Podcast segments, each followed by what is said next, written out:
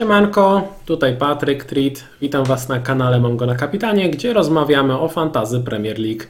Dziś przeanalizujemy najciekawszych zawodników przed 16 kolejką, której deadline już w piątek o godzinie 19.30, także uważajcie, żeby nie przegapić deadline'u. Nagranie będzie składało się z kilku części. Na początek mam parę komunikatów, później podsumuję poprzednią kolejkę, następnie przeanalizuję zawodników pozycję po pozycji, a na koniec odpowiem na Wasze pytania. Dlatego jeżeli chcecie o czymś porozmawiać, to proszę Was o troszkę cierpliwości. Partnerem kanału jest Betfan, legalny polski bookmacher. Wpisując kod FPL Poland przy zakładaniu konta oraz robiąc pierwszy depozyt w wysokości minimum 50 zł, otrzymacie freebet o wartości 60 zł, cashback do 600 zł oraz 100% bonusu od drugiego depozytu do 1000 zł. Oferta przeznaczona jest dla widzów, którzy kończyli 18 rok życia. Proszę, abyście szczegóły promocji sprawdzili na oficjalnej stronie. Razem z naszym partnerem założyliśmy minigę, w której po każdej kolejce trzy osoby z największą liczbą punktów otrzymują darmowe zakłady, a na zwycięzcę klasyfikacji generalnej czeka koszulka ulubionego klubu Premier League. Łączna pula nagród wynosi ponad 2,5 tysiąca złotych. Szczegółowy regulamin znajdziecie w podpiętym tweetie na moim Twitterze. Aby dołączyć do ligi wystarczy skopiować link, który znajdziecie w opisie pod tym filmem lub wpisać kod BFLULS.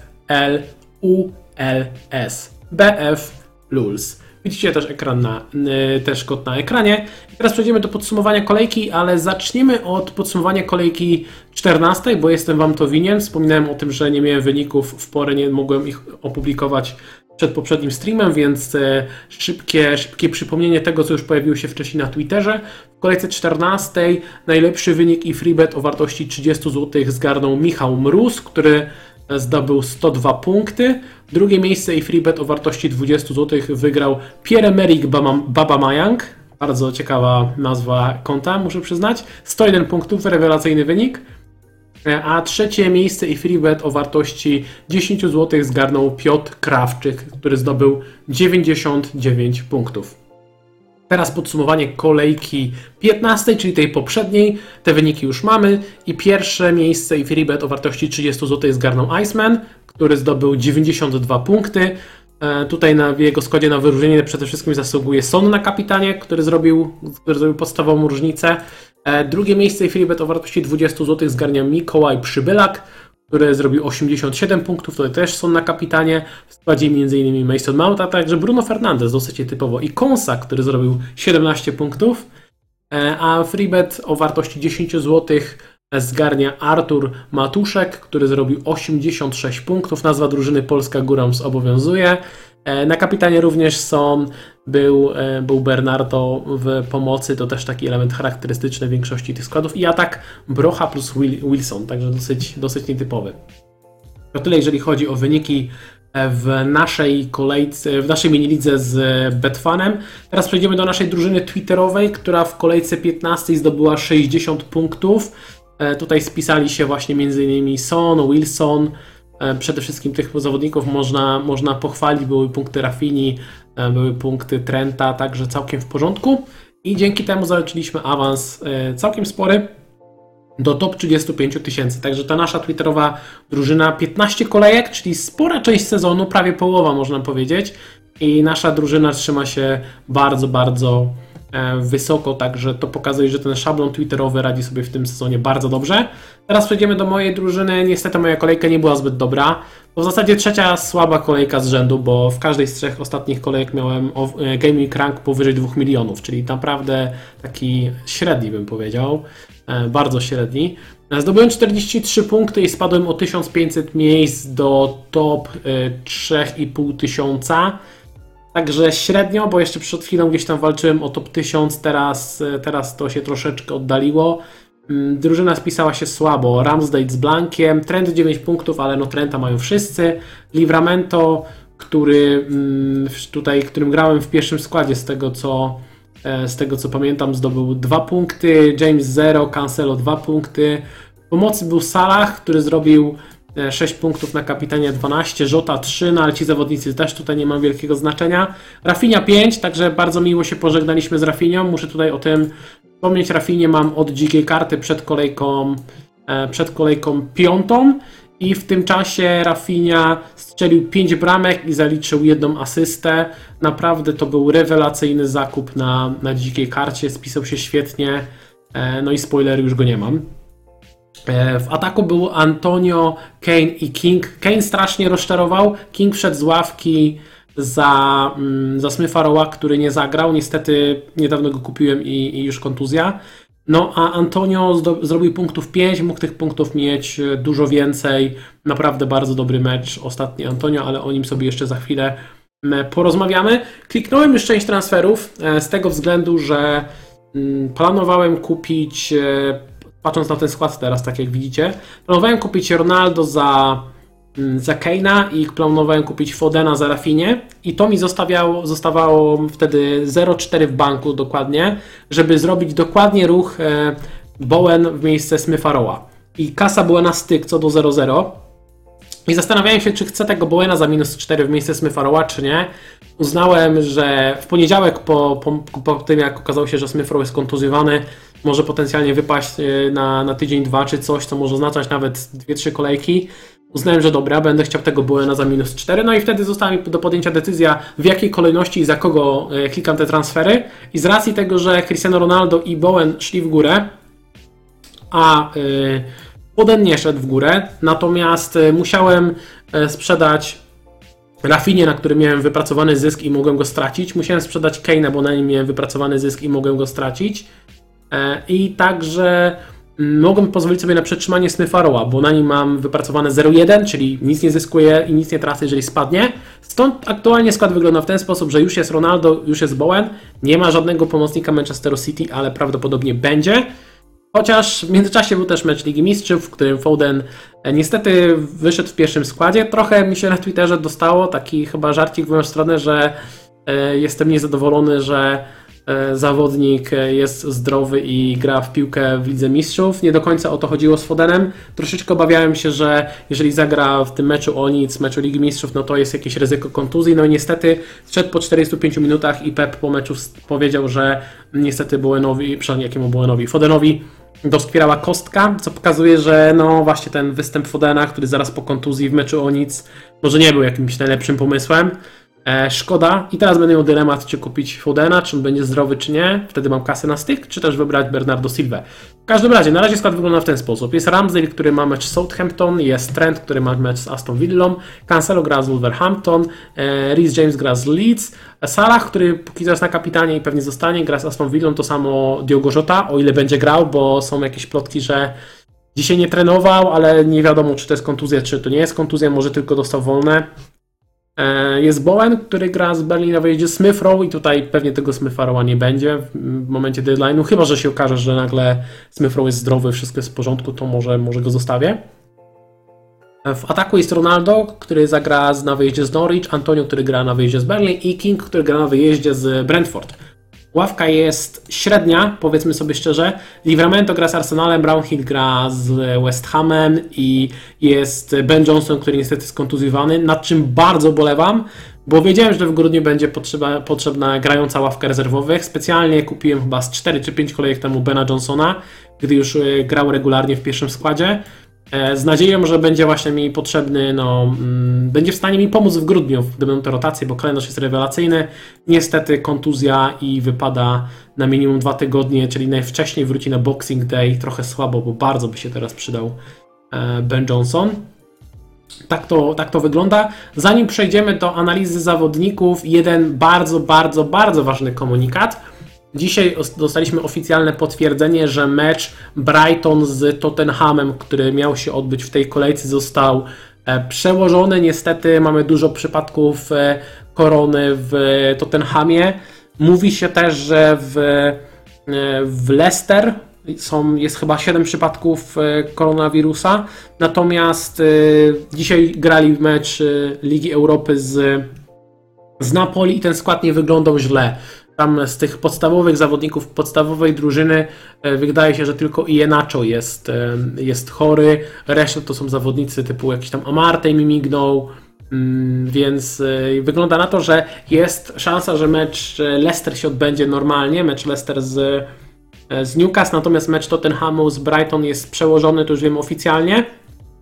I niestety to, że gramy co 3 dni sprawia, że naprawdę realne jest, że mecz y, Tottenhamu z Leicester w kolejce następnej, czyli 17 zostanie przełożony, bo nie dość, że mamy e, epidemię w Tottenhamie, to jeszcze w Leicester są chorzy zawodnicy. Myślę, że też jest minimalne ryzyko, że mecz y, Tottenhamu w kolejce 18 może zostać, e, może zostać przełożony i to byłoby bardzo bolesne, bo to jest mecz z Liverpoolem. Tottenham już ma dwa zaległe mecze, w sensie ten z tej kolejki nadchodzącej oraz e, z kolejki wcześniejszej, gdy grali z Berlin i mecz został przełożony z powodu śnieżycy. Gdyby dodatkowo wypadł mecz z Leicester, to będą trzy mecze zaległe Tottenhamu. Wydaje mi się, że Premier League będzie nalegać, żeby ten mecz z Liverpoolem rozegrać, bo ciężko będzie wcisnąć cztery dodatkowe mecze później.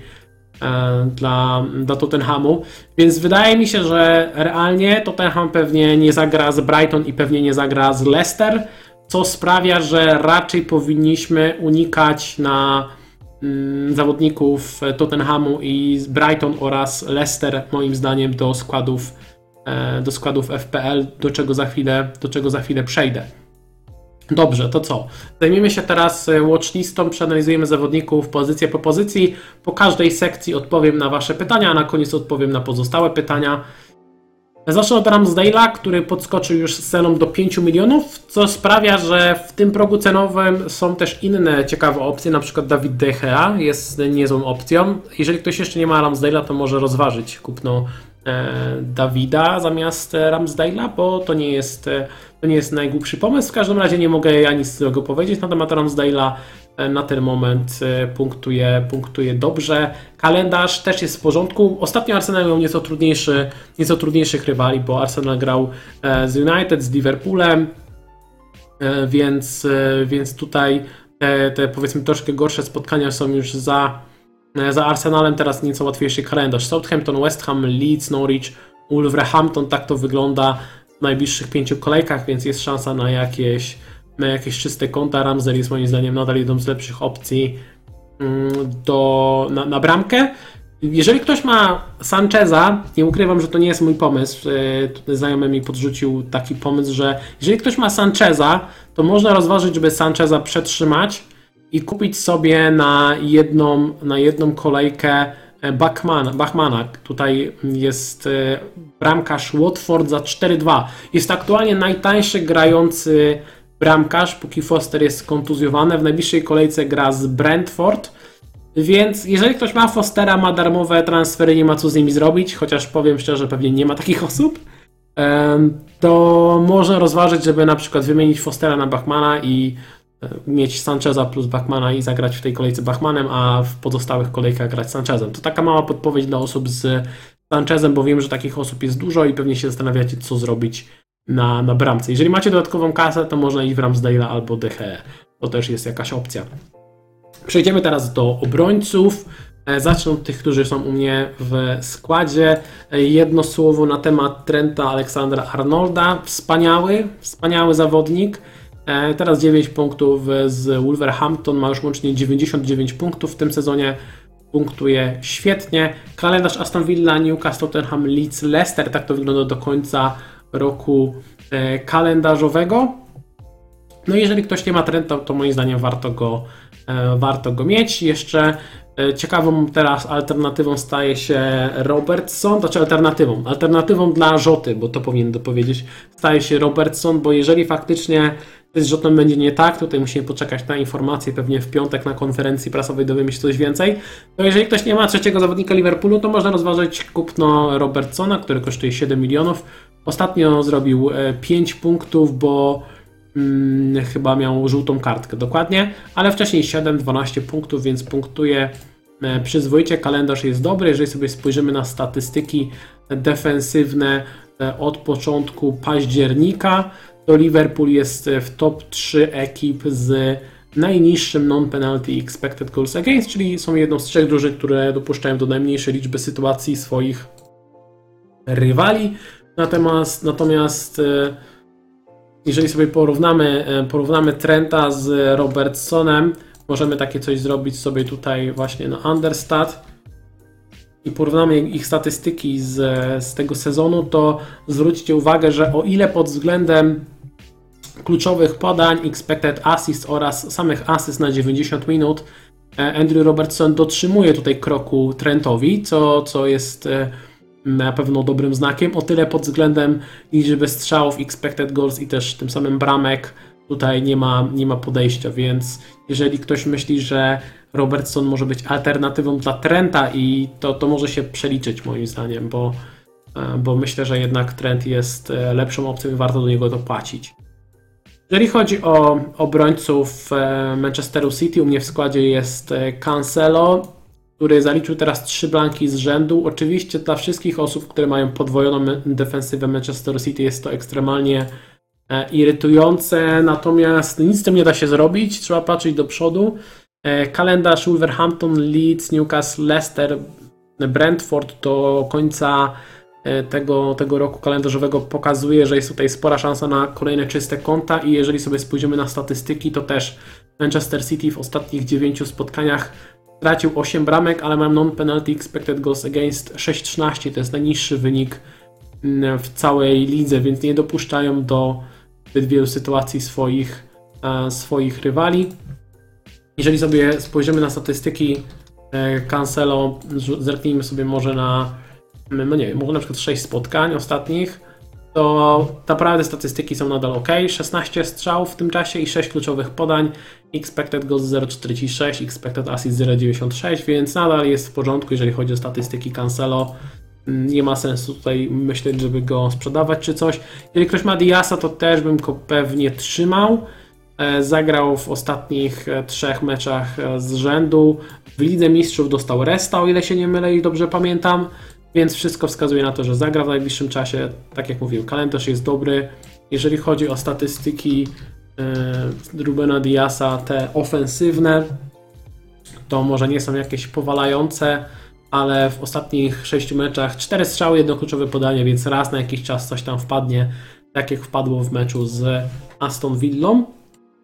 No i teraz e, przejdziemy do obrońców e, Chelsea.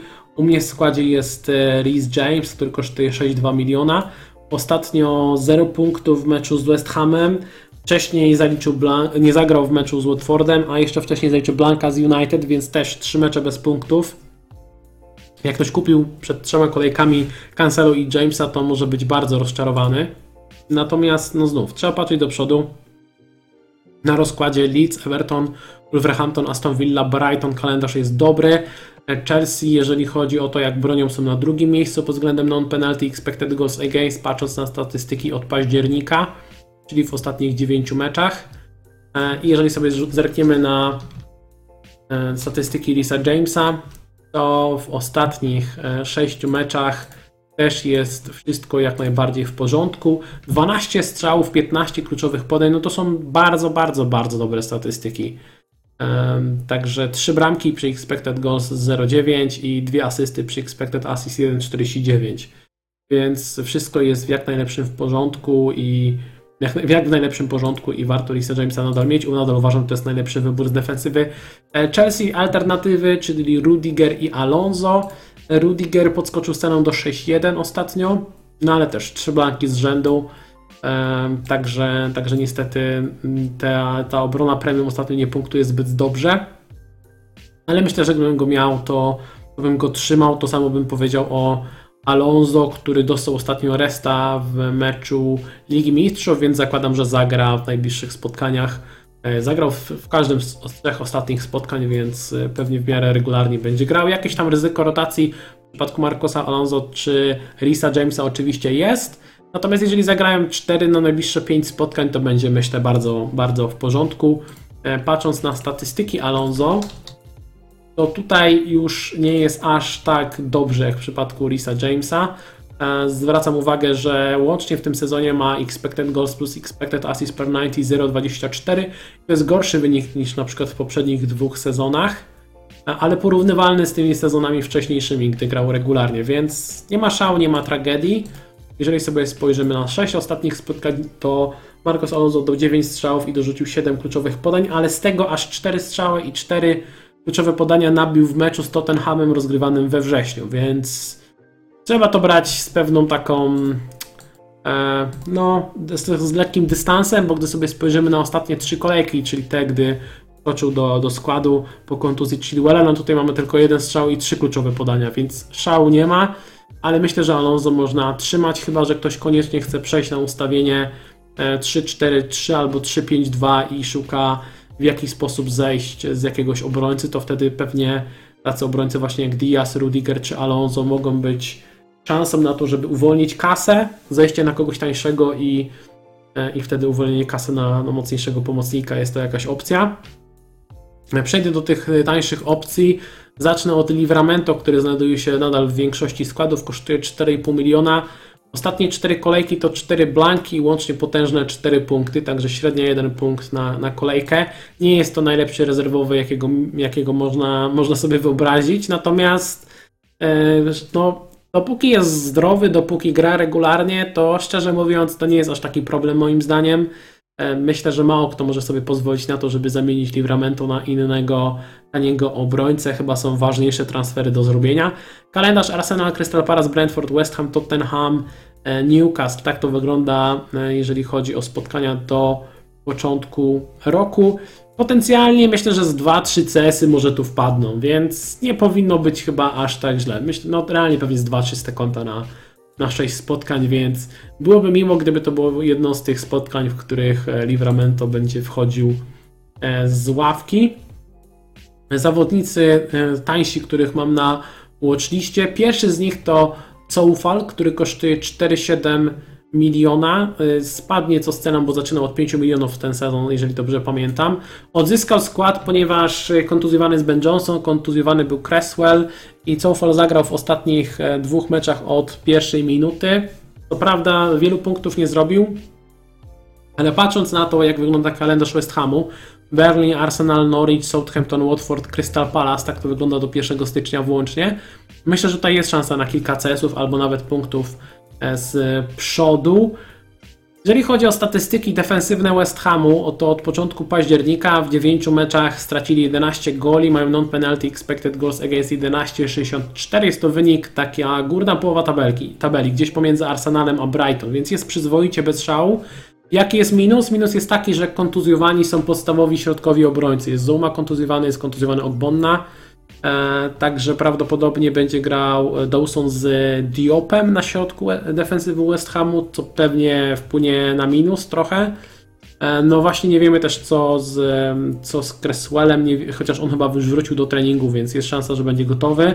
No i Ben Johnson wypadł jeszcze na jakiś czas, więc ta defensywa jest w jakimś stopniu osłabiona i pytanie, czy w związku z tym, że defensywa wygląda nieco gorzej, w sensie personalnie, a kalendarz, no, przeciwnicy są dosyć, dosyć tacy w zasięgu West Hamu do ogrania, czy David Moyes nie zdecyduje się na nieco bardziej ofensywną grę i próbę po prostu strzelenia więcej goli niż rywale. Myślę, że jest to, jest to całkiem realne, bo w poprzednich spotkaniach, gdy ci przeciwnicy byli trudniejsi, West Ham raczej próbował grać z kontry, a myślę, że teraz może być e, inaczej. Tak czy siak, Cofal jest całkiem ok. E, kolejna opcja to Ben White, wybór ekstremalnie nudny, droższy i bardziej i ciekawszy pewnie jest, jest, jest Tomiyasu, o którym też e, warto wspomnieć. Natomiast jeżeli ktoś szuka kogoś taniego, to myślę, że Ben White jest w porządku, kosztuje 4,4. Defensywa Arsenalu nie jest wybitna, nie jest też najgorsza. Ben White mało oferuje z przodu, ale kalendarz w tym okresie świąteczno-noworocznym jest o tyle dobry, że spokojnie myślę można mieć Bena White'a jako takiego pierwszego rezerwowego i gdy będzie potrzeba, to może wskoczyć z ławki. I tak naprawdę w każdym z najbliższych pięciu spotkań jest szansa, że to czyste konto padnie. Nie mówię, że to będą, że to będzie pięć czystych kont, bardziej pewnie z 2 na 5 Natomiast jest w każdym z tych spotkań szansa na, na, jakieś, na jakieś punkty, więc Ben White, mimo że jest nudnym wyborem, wydaje się moim zdaniem jednym z lepszych w tej cenie, zwłaszcza jeżeli weźmiemy pod uwagę, że mm, Ben Davis nam odpadł z racji tego, że ma e, koronę. No i ostatni obrońca, którego mam na watchliście, nieco ciekawszy wybór to Diego Dalot, który kosztuje 4,4 miliona i wydaje się, że ma duże szanse na wywalczenie podstawowego składu u Ralfa Rangnika e, z kilku względów. Po pierwsze, Ralf Rangnick gra ustawieniem 4-2-2-2. Jest to takie samo ustawienie jak e, w Southampton. I to ustawienie sprawia, że drużyna gra na dwóch napastników, dwóch takich ofensywnych pomocników, to są takie dziesiątki, takie e, zawodnicy ustawieni wąsko, ofensywni pomocnicy ustawieni wąsko. E, I to sprawia, że boczni obrońcy mają bardzo dużo, e, bardzo dużo zadań ofensywnych, bo oni pełnią rolę tak naprawdę skrzydłowych w fazie, w fazie ofensywnej. I o ile jestem w stanie sobie wyobrazić jakąś rotację na lewej stronie, bo tam i Luke Show i Alex Teles są w stanie grać nieźle w ofensywie, o tyle na prawej stronie Aaron Wan-Bissaka nie jest najlepszym obrońcą, jeżeli chodzi o kreacje, wrzutki i to, co może dać pod polem karnym rywala, mówiąc delikatnie. Więc wydaje mi się, że jest duża szansa, że Dalot wywalczy sobie podstawowy, podstawowy skład. Zagrał ostatnio w meczu z Crystal Palace, wcześniej zagrał z Arsenalem. E, w meczu Ligi Mistrzów, gdy Ralf Ragnik wystawił rezerwy, tam grał Wan Bisaka. Więc chyba jest szansa, że, że Dalot będzie pierwszym wyborem. Nie powiedziałbym, że to jest pewniak do składu na ten moment, ale no, jeżeli zagra powiedzmy, nie wiem, 4 z najbliższych 6 spotkań, to za 4-4 to jest naprawdę niezły, niezły wybór. Kalendarz United jest bardzo dobry. Norwich, Brentford, Brighton, Newcastle, Berlin, Wolverhampton. Tak to wygląda do kolejki 21. Więc no jest szansa jakaś na czyste, na czyste konta. Oczywiście do tej pory Manchester United zbyt wielu czystych kont nie zachowywał, natomiast no jest szansa, że, że nastąpi jakaś poprawa, no, bo, bo ostatnio było naprawdę źle.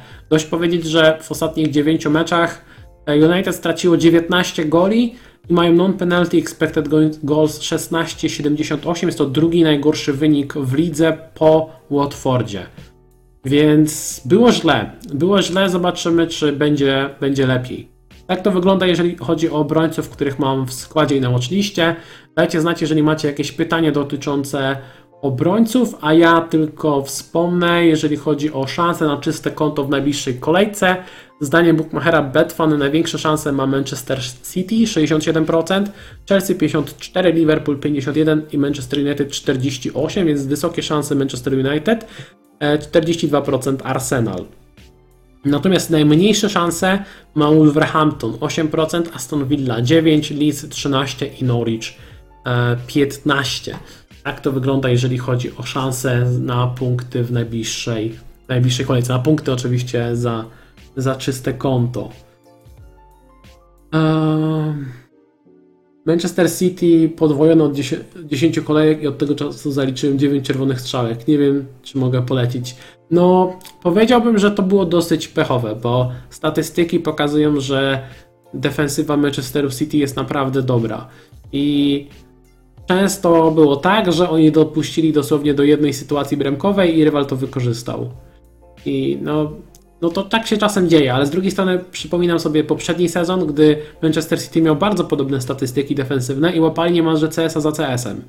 Miałem wtedy podwojenie właśnie, miałem Diasa i Stonesa i świetnie punktowali, więc to się w każdej chwili może gdzieś tam odwrócić i mogą nagle masowo łapać czyste konta. E, jeżeli chodzi o to, kto do składu na tę kolejkę, to odpowiem na koniec na takie pytania. E, Siemanko Wojtek. E, Dalot za Livramento na dzikiej karcie? Brzmi to całkiem ok.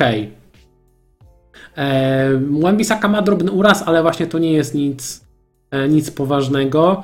Mm, chyba nawet miał trenować, z tego, co, z tego co kojarzę, więc myślę, że będzie do dyspozycji Rafa Ragnika. Natomiast wydaje mi się, że Dalot może wywalczyć pierwszy skład. Jeżeli chcesz kogoś pewniejszego, to pewnie Ben White jest w porządku, jako takie zabezpieczenie ławki, tak jak wspominałem. Natomiast jeżeli szukasz jakiejś, no nie wiem, różnicy bardziej ekscytującego wyboru do składu, to Dalot jest, jest ok. Um, właśnie z tym odbisaką i kontuzją tutaj piszecie o tym, no, jest, jest, jest jakieś ryzyko, że nie będzie dostępny na mecz z Norwich, natomiast mi bardziej chodziło tak długoterminowo, że gdzieś tam no jednak y, szukając zawodników do składu mamy nadzieję, że wywalczą skład na dłużej, więc jest duża szansa, że Dalot zagra w najbliższym meczu, natomiast czy wywalczy skład na dłużej? Myślę, że też jest duża szansa, natomiast pewności 100% nie ma. Y, czy Edward Mendy zacznie mecz ligowy po gorszym meczu z Myślę, że tak, aczkolwiek e, Tuchel lubi czasem zrobić jakąś rotację na bramce i Kepa raz na jakiś czas mecz dostaje do gry, więc kto wie, może, może w grudniu dostanie Kepa jakieś spotkanie do, do rozegrania. Co myślisz o zagraniu Freehita, mając dużo kontuzji? Więcej wypowiem się na koniec, na razie rozmawiamy tylko o defensywie, ale generalnie jestem na nie. E, Dychea za Sancheza za minus 4. Wiem, że hitowanie za bramkarza to generalnie jest sobie pomysł, ale Sanchez teraz ma blanka, później sobie kalendarz i jeszcze jednego blanka, a i w Brighton sporo kontuzji.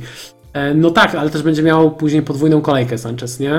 M, Bo będzie musiał nadrobić te spotkania, więc coś za coś. Ja nie jestem fanem hitowania bramkarzy. Bardzo, bardzo nie jestem fanem. Więc ja bym chyba tego nie kliknął, ale rozumiem, że to wygląda na kuszący ruch. To się może opłacić, oczywiście. Natomiast też patrząc na statystyki defensywne, to nie jest tak, że United jest dużo lepszą defensywą od Brighton. Wręcz bym powiedział, że na ten moment wygląda to odwrotnie. I to jest minus. E, Kupiłem Regilona i najpierw kontuzję, teraz, e, teraz choroba. Sprzedawać za minus 4. No wiesz co, jeżeli nie masz kim zagrać, no to pewnie można by go opchnąć. Natomiast realnie to jest niezły wybór do składu, więc jeżeli jesteś w stanie wystawić jakiegoś rezerwowego, jakiegoś właśnie Livramento czy Bena White'a na, na dwie kolejki, e, może potencjalnie trzy, ale myślę, że na dwie, no to wtedy chyba można go przetrzymać. No tak, Davis byłby świetnym wyborem. Polecają go w ostatnich tygodniach, e, bo był spoko optym za 4-4 i zrobił rewelacyjny wynik w ostatniej kolejce. Kiedy zostaną rozegrane zaległe mecze Tottenhamu? Najwcześniejszy możliwy termin to 21 kolejka, kolejny realny to 23 kolejka, jeżeli dobrze pamiętam. Czy Cresswell w cenie 5-4 jest teraz ok, jak będzie dostępny? Wiesz co? No Cresswell młodszy już nie będzie, ja nie jestem pewien, czy on da radę grać co 3 dni, a druga sprawa, że zrobiła mu się spora konkurencja, bo e, jest, e, jeżeli wróci do zdrowia Ben Johnson, to on też może grać i z prawej i z lewej strony, więc nie jestem pewien, czy płacenie 5-4 za obrońcę West Hamu, gdzie tam nie ma podstawowych środkowych obrońców, to jest dobry pomysł. Wolałbym chyba, jeżeli miałbym spróbować z kimś z West Hamu, to chyba z tańszym Coufalem. Czy granie na czterech obrońców premium plus white dalej ma sens? Myślę, że generalnie ma, bo co do zasady ta, ci obrońcy premium punktują zwykle dobrze w perspektywie całego sezonu, natomiast aktualnie trafiliśmy na taki okres, gdy tracili regularnie CS i słabo punktowali, więc myślę, że długoterminowo to się obroni. Natomiast y, często granie na tych czterech premium sprawia, że potem nie masz kasy albo nie masz miejsca na takich zawodników jak Bowen, jak y, nie wiem, King, jak y, te tanie opcje, które dobrze punktują. Jak jeszcze przed chwilą Smith Rowe przed kontuzją, często wtedy brakuje miejsca na takich zawodników i to też może być jakiś minus. Co sądzę o defensywie Manchester United? Myślę, że na ten moment tylko w Dalota bym szedł ewentualnie, bo jest tani 4-4, więc to ryzyko jest niewielkie. Myślę, że show jest ryzyko rotacji. Na środek obrony na razie bym się tam chyba nie pchał, bo raczej nie będą oferować zbyt wiele z przodu pozostałymi fragmentami. No, fizik, no to, to, to współczuję. Na propos Gallaghera to porozmawiamy później. Na razie rozmawiamy o obrońcach. Um, jak teraz ułożyć dziką kartę, pytasz? Trzymać obrońców Chelsea? Myślę, że jednego obrońcę, myślę, że Lisa Jamesa warto. Ja bym, y, ja bym zdecydowanie miał w obronie Trenta, Cancelo i Lisa Jamesa, a pozostałe dwa sloty to już jest kwestia całego składu i budżetu. Skąd będziesz brał jutro info odnośnie absencji? No wiesz co, na Twitterze pojawiają się informacje, a Gareth zbiera je w formie jednego wpisu. I zawsze ten wpis udostępniam. Jaki obrońca do 6 milionów? Eee, no wiesz co, do 6 milionów e, średnio bym powiedział. No, nikogo rewelacyjnego nie ma. Diaz chyba. Do 6 milionów chyba bym Diaza brał. Albo kogoś taniego i uwolnił kasę, żeby mieć kogoś droższego w pomocy. Bierzesz, nie wiem, Bena White'a albo Dalota i masz dodatkową kasę na pomocników. Dobra. Kończymy już z obrońcami. Przejdziemy sobie teraz do pomocy. Swoją drogą jest tutaj prawie 90 osób na streamie. Jeżeli wciśniecie łapkę w górę, będę bardzo wdzięczny, bo to pomaga e, algorytmom YouTube'owym. A ja przejdę do pomocników. Zacznę oczywiście od Mo Salaha, bo, bo trochę nie wypada od niego nie zaczynać. W ostatniej kolejce asysta i 6 punktów. Ktoś powie szczęśliwa, ktoś powie, że nieszczęśliwa, że mogło być tych punktów więcej. Nieważne, fakt jest taki, że po 15 kolejkach Mo Salah ma 14 meczów z punktami i tylko jednego blanka w kolejce drugiej i to sprawia, że tydzień w tydzień jest moim zdaniem dopóki jest zdrowy i dopóki gra i dopóki e, mecze się odbywają Liverpoolu. To jest moim zdaniem najlepszą op- opcją na opaskę w każdej kolejce. E, Kalendarz Aston Villa, Newcastle, Tottenham, Leeds, Leicester, Chelsea. I tutaj zaznaczam, że trwają rozmowy i dyskusje, czy Salah będzie dostępny na ten mecz z Chelsea, który odbywa się 2 e, stycznia, bo wiemy, że 9 stycznia startuje Puchar Narodów Afryki. To już zostało potwierdzone. Data się nie zmienia. E, I teoretycznie zawodnicy mają być minimum tydzień przed rozpoczęciem turnieju na e, meczach swoich, swoich reprezentacji, na, na zgrupowaniach swoich reprezentacji. Natomiast trwają dyskusje pomiędzy reprezentacją Egiptu, Federacją Egipską a e, Liverpoolem. Jest szansa, że Mo Salah zostanie na mecz z Chelsea. W każdym razie zakładamy, że na 90% będzie dostępny do kolejki 20, czyli do końca roku kalendarzowego Salah powinien być dostępny. Więc na te najbliższe 5 kolejek jest moim zdaniem najlepszą opcją na, e, na opaskę. Jeżeli sobie spojrzymy na statystyki ofensywne e, drużyn, tutaj zwracam uwagę, że od początku października Liverpool jest zdecydowanie najlepszą drużyną, jeżeli chodzi o atak. W 9 meczach strzelili 29 bramek, ponad 3 bramki na mecz. Expected goals 23,84. Jest to oczywiście najlepszy wynik w całej, e, w całej lidze. Jeżeli chodzi o statystyki ofensywne samego Mo Salaha, E, możemy sobie zerknąć na przykład na ostatnie 6 spotkań. To tutaj mamy 19 strzałów i 3 gole przy expected goals 3,34 i do tego 11 kluczowych podań i 4 asysty przy expected assist 2,57, więc tych bramek mogło być nawet jeszcze, e, jeszcze więcej. Statystyki są Salaha rewelacyjne. Teraz przejdę do Diogo Rzoty. Kosztuje 8 milionów jest e, świetną opcją, ale no dziś pojawiły się informacje, że nie było go na treningu. Nie wiemy, czy. No nie było go też w kadrze meczowej na mecz Ligi Mistrzów. Co było odrobinę zastanawiające. To mógł być zwykły rest, ale to może też oznaczać jakąś drobny uraz, jakieś przeziębienie. Miejmy nadzieję, że E, Klopp powie coś na temat e, Diogo Rzoty na piątkowej konferencji prasowej e, i, i będziemy wiedzieć coś więcej na temat Diogo Rzoty. Jeżeli będzie zdrowy, to jest jednym z lepszych wyborów do pomocy, aczkolwiek do treningu wrócił Roberto Firmino. Wydaje mi się, że nadal trochę potrwa zanim Firmino wskoczy do wyjściowej jedenastki. To nie jest tak, że jak ktoś wrócił do treningów, to z miejsca skakuje do wyjściowej jedenastki, bo na pewno Klopowi by nie zależało na tym, żeby nie przyspieszać za bardzo tego powrotu Firmino, bo gdyby ta kontuzja odpukać się odnowiła i pojedzie sobie i Mane i Salah na Puchar Narodów Afryki, no to nie będzie kim grać w ataku, więc myślę, że Klopp będzie stopniowo wprowadzał e, Firmino do składu. Myślę, że realnie ma szansę na jakieś sensowne minuty koło, e, koło 17-18 kolejki, a znowuż od kolejki 20-21 już nie będzie Mane i później też Salaha. Więc jeżeli Diogo Jota będzie zdrowy, to nadal jest, nadal jest świetnym wyborem. Miejmy nadzieję, że jest zdrowy. Jeżeli chodzi o statystyki, to Jota w ostatnich 6 meczach oddał 17 strzałów i 4, strzelił 4 bramki przy expected goals 4,47, a do tego dorzucił 8 kluczowych podań i nie zaliczył żadnej asysty mimo expected assist 0,94, więc też tych punktów mogło być jeszcze więcej i w sumie zawsze oglądając e, rzutę na boisku mamy wrażenie, że mógłby dać coś więcej. Jeżeli ktoś widział tą akcję w meczu z Wolverhampton, gdy Żota e, biegł tak naprawdę na pustą bramkę, ale jeszcze przełożył piłkę, próbował przełożyć obrońcę, potrzymując całą bramkę pustą, strzelił prosto w obrońcę Wolverhampton. No to było, to było dosyć zabawne, bym powiedział. To było dosyć zabawne, to jest cały Diogo Żota właśnie. A niestety on bywa mocno, mocno irytujący. E, w moim składzie znajduje się już e, Bowen, więc teraz też e, o nim troszeczkę, o nim troszeczkę opowiem, dlaczego tak pospiesznie go kupiłem. Cena 6,5 miliona moim zdaniem jest naprawdę ok. Wspominałem jakiś czas temu, mm, na pewno przed poprzednią kolejką, ale wcześniej też chyba o tym mówiłem, że Bowen jest moim zdaniem najlepszą opcją do 6,5 miliona na, na najbliższe kolejki.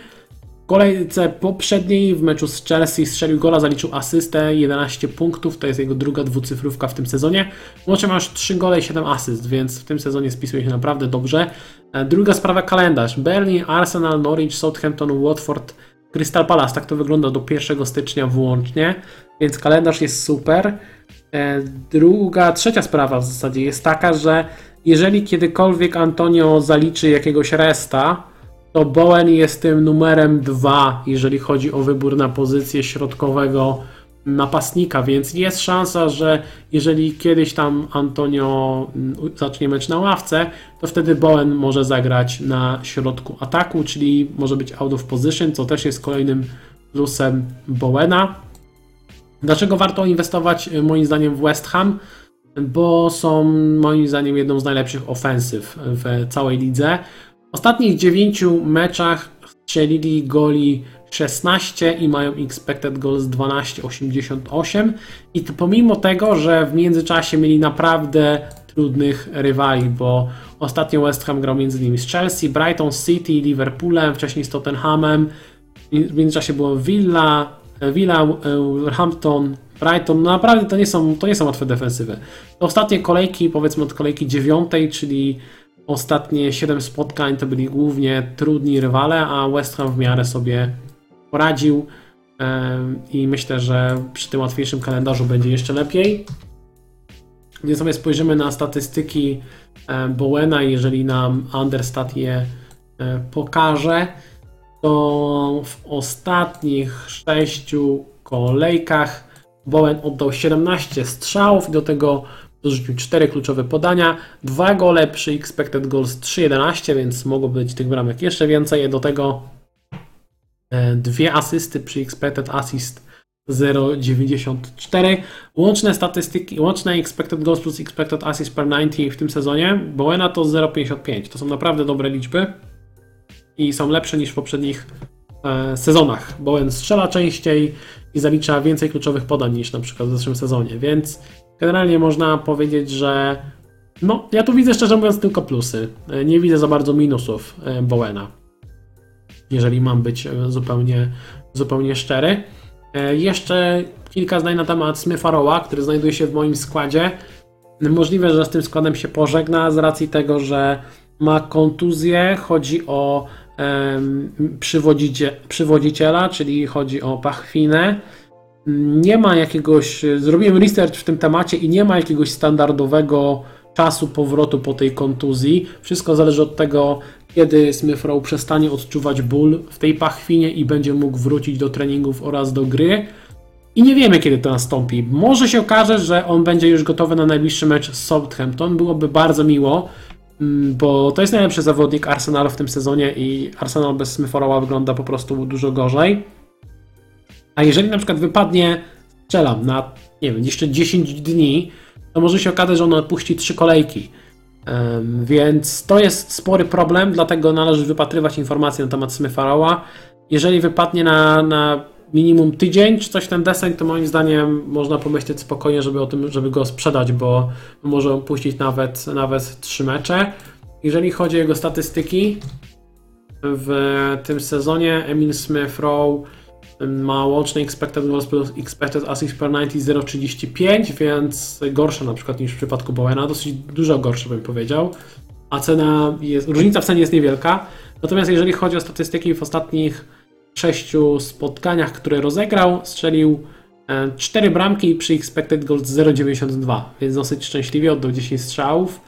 E, do tego 9 kluczowych podań i jedna asysta przy expected assist 1,69, więc no zobaczymy, zobaczymy jak będzie z tym Smithem Rowem, trzeba to mm, śledzić. Teraz przejdę do watchlisty, zacznę od e, opcji premium, powiedzmy takiej prawie premium, którą mam na watchliście. Pewnie trochę na wyrost, może trochę z sympatii wrzuciłem Markusa Rashforda, który kosztuje 9,4. Nie uważam, żeby to był teraz idealny moment, żeby już w tym momencie go kupić. E, zaczął ostatnie trzy mecze w podstawowym składzie, na co się pokrywa z momentem e, zatrudnienia Ralfa Rangnika i chyba nie ma w tym e, przypadku. Mm, w każdym z tych spotkań zagrał około 75 minut i w tych, w tych trzech meczach ma łącznie jedną asystę. Jeżeli chodzi o jego pozycję na boisku, to w tym ustawieniu Ralfa Rangnika Rashford gra na środku ataku obok Cristiano Ronaldo. Mm, wypowiadał się Rangnick o nim bardzo pozytywnie, zwraca uwagę na to, że e, Rashford daje im to, że mogą rozciągnąć tę grę. mm, Chodzi o wzdłuż boiska, bo Rashford jest w stanie wbiegać za plecy obrońców. I to jest duży plus, którego, którego nie mają aż tak. W sensie żaden z zawodników Manchester United nie jest aż tak szybki ym, i, i tak nie ma takiego przyspieszenia jak Rashford, jeżeli chodzi o ofensywę. Natomiast z drugiej strony chcę zwrócić uwagę na to, że Rashford ma z kim walczyć o tę pozycję na boisku, bo e, do treningu wrócił Cavani i Martial. E, Jest Greenwood, który zagrał w meczu Ligi Mistrzów, strzelił bramkę. I jeżeli dorzucimy do tej układanki, że na tych pozycjach ofensywnego pomocnika może grać Sancho, może grać Bruno, może grać Van de Beek, to nagle się okazuje, że tam jest kim rotować w tym Manchesterze United. Więc ja nie jestem w 100% przekonany, czy Rashford będzie grał od deski do deski, bo te jego poprzednie mecze aż tak bardzo nie przekonują. Tak samo nie za bardzo przekonuje mnie nadal Sancho, więc podchodzę z rezerwą, będę sobie tego Rashforda obserwował, bo go naprawdę lubię, cenię i myślę, że gdyby miał pewny skład, gdyby grał na środku ataku razem z Ronaldo, to jako pomocnik w grze może być niezłą opcją. Natomiast pytanie, które musicie sobie zadać, tak na logikę, na spokojnie, to jeżeli ktokolwiek rozważa pomocników Manchester United, to dlaczego w miejsce dowolnego z nich nie mieć pomocnika Manchesteru City, skoro Manchester City to jakby nie patrzeć na ten moment lepsza drużyna, która gra lepiej w ataku, ma prawdopodobnie zawodników lepszych lub w lepszej dyspozycji aktualnie, y, bo ani Rashford, ani Greenwood, ani Sancho nie są w topowej formie. I do tego są tańsi w FPL-u. W sensie zawodnicy Manchester City są tańsi w FPL-u. Więc nie widzę za bardzo powodu, żeby brać Rashforda na przykład zamiast Odena albo zamiast Bernardo. Wydaje mi się, że na razie nie ma ku temu żadnych argumentów, więc obserwuję sobie tego Rashforda, nie żebym go jakoś polecał. No i teraz przejdziemy sobie do pomocników e, Manchesteru City. Mam na oczywiście Fudena, Grealisha, Bernardo i Gundogana. Prawdopodobnie jeden z nich znajdzie się w moim składzie w najbliższej kolejce, jeżeli potwierdzi się kontuzja Smith-Rowa. Zacznę tutaj po kolei od najdroższego z nich, czyli od e, Phila Fodena, który niestety, tak jak mówiłem, e, wybiegł e, na boisko w meczu Ligi Mistrzów o nic i niestety odezwała się ponownie ta jego kostka. Mm, to jest trochę, to jest trochę problem, ponieważ z jednej strony Pep Guardiola zawsze podkreśla i ostatnio też o tym mówił, że Foden to jest taki zawodnik, który regeneruje się bardzo szybko, zawsze chce grać, zawsze chce wybiegać w podstawowym składzie i nigdy nie narzeka na ból, więc e, zakładam, że gdyby był w pełni sił, jeżeli będzie w pełni sił, to powinien grać regularnie, a kalendarz City jest rewelacyjny. Wolverhampton, Leeds, Newcastle, Leicester, Brighton i Arsenal. Tak to wygląda, jeżeli sobie spojrzymy na mecze do 1 stycznia. Fajnie byłoby mieć kogoś z City i Foden, który gra zawsze na jednej z trzech pozycji ofensywnych na boisku, byłby naprawdę świetną opcją, wręcz taką no, momentami out of position, bo często grał na fałszywej dziewiątce. Natomiast te problemy z kostką troszeczkę mnie martwią, bo to już powoli zaczyna przypominać te, ten case Rafini z tego sezonu, że prawie zawsze się świeci i nie wiadomo czy zagra, więc nie jest to optymalna, nie jest to optymalna y, sprawa. Jeżeli sobie spojrzymy na statystyki Fodena w tym sezonie, to Phil Foden zagrał 9 spotkań, ma łączny expected goals plus expected assist per 90 0,88 i to jest znacznie lepiej od pozostałych opcji z Manchesteru City. To pokazuje, że jest naprawdę duży potencjał na punkty. E, jeżeli sobie spojrzymy na, na te ostatnie 6 spotkań, to w tym czasie e, Foden oddał 14 strzałów i do tu rzucił 10 kluczowych podań, dwie bramki przy expected goals 2,46 i dwie asysty przy expected assist 3,02. Zwracam uwagę, że w meczu z Watfordem, tym ostatnim, to Foden miał najlepsze statystyki, bo oddał dwa strzały, łączny expected goals 0,6 i cztery kluczowe podania, łączny expected assist 1,48, więc mógł spokojnie mieć e, dwucyfrówkę. I od razu też wspominam, że nawet jeżeli byśmy wyrzucili z tych statystyk całego sezonu, z tych dziewięciu e, z tych dziewięciu kolejek mecz z Brighton, bo też były takie ostatnio zarzuty na streamie, że e, trochę zapominam o tym, że większość statystyk nabił Foden w meczu z Brighton. Nawet jeżeli wyrzucimy ten mecz z Brighton z tych statystyk, to i tak Foden ma najlepsze statystyki expected goals plus expected assists per 90 pośród wszystkich opcji Manchester City, więc to nie jest kwestia tego jednego meczu. Generalnie i tak miałby najlepsze statystyki. E, no tylko, że jest problem z jego, z jego zdrowiem i tutaj należy poczekać. Zobaczymy, co powie Pep, czy Foden jest, jest zdrowy, czy nie jest, czy trenował, czy nie trenował. Jeżeli nie jest zdrowy nie trenował, to chyba w takim układzie no, nie kupię go najbliższą kolejkę, bo no, jakby to by mi się mijało z celem i wtedy wypadałoby kupić kogoś innego, bo szkoda nie mieć pomocnika Manchester City. Kolejny na mojej watchliście jest Jack Grealish, który kosztuje 7,6. Taka sama cena jak Bernardo. Zagrał w meczu z Watfordem w podstawowym składzie. Mm, tylko 3 punkty. Grał tak naprawdę jako środkowy napastnik przez e, większość, większość czasu. Generalnie w tym sezonie gra dosyć regularnie, gdy jest zdrowy, więc na to warto zwrócić uwagę. Natomiast uzbierał tylko jedną bramkę i dwie asysty przez ponad 800 minut co jest średnie pod kątem, pod kątem typowo fantazy. Jeżeli sobie spojrzymy na jego statystyki w tym sezonie, ma łączny expected goals plus expected assist 0,59, więc dużo gorsze niż w przypadku Fudena. Mógł mieć więcej goli, więcej asyst, na co wskazuje ten model expected goals. Trochę braku skuteczności, pewnie trochę pecha, bo podawał do kolegów, którzy nie kończyli sytuacji i tak dalej. Natomiast e, Natomiast fakt jest taki, że tych punktów zbyt wiele nie było. Jeżeli sobie spojrzymy na ostatnie 6 spotkań, w których e, zaczynał w podstawowym składzie, to w tym czasie oddał 13 strzałów, miał expected goals 1,92 bez bramki. Do tego 14 kluczowych podań, expected assist 1,03 i jedna asysta. Zwracam uwagę zwłaszcza na ten mecz z Watfordem, gdzie oddał 5 strzałów, expected goals 1,19 i bez gola. Tutaj no, było to dosyć, e, dosyć, powiedziałbym, no nie wiem czy pechowe, bo no typowo wyglądało to tak, że zabrakło mu tam skuteczności, to nie był jakiś, e, to nie były jakieś rewelacyjne strzały czy coś. Po prostu no, był taki, taki e, niedokładny, bym powiedział, w swoich, w swoich zagraniach, ale widać, że jest jakiś tam sensowny potencjał na, na punkty. Zastanawiam się, czy jest sens pchać się w Grealisha w sytuacji, gdy Sterling też gra i strzela, bo na początku sezonu mieliśmy sytuację, w której Sterling nie grał wcale i to sprawiało, że ta konkurencja na lewej stronie ataku była nieco mniejsza i tam często występował Grealish. Teraz jest taka sytuacja, że e, tam może też grać e, Sterling i chyba w Grealisha bym się z tego powodu nie pchał, zwłaszcza, że tymi meczami do tej pory nie przekonuje na tyle, żeby stwierdzić, że to jest dobra opcja do fantazy.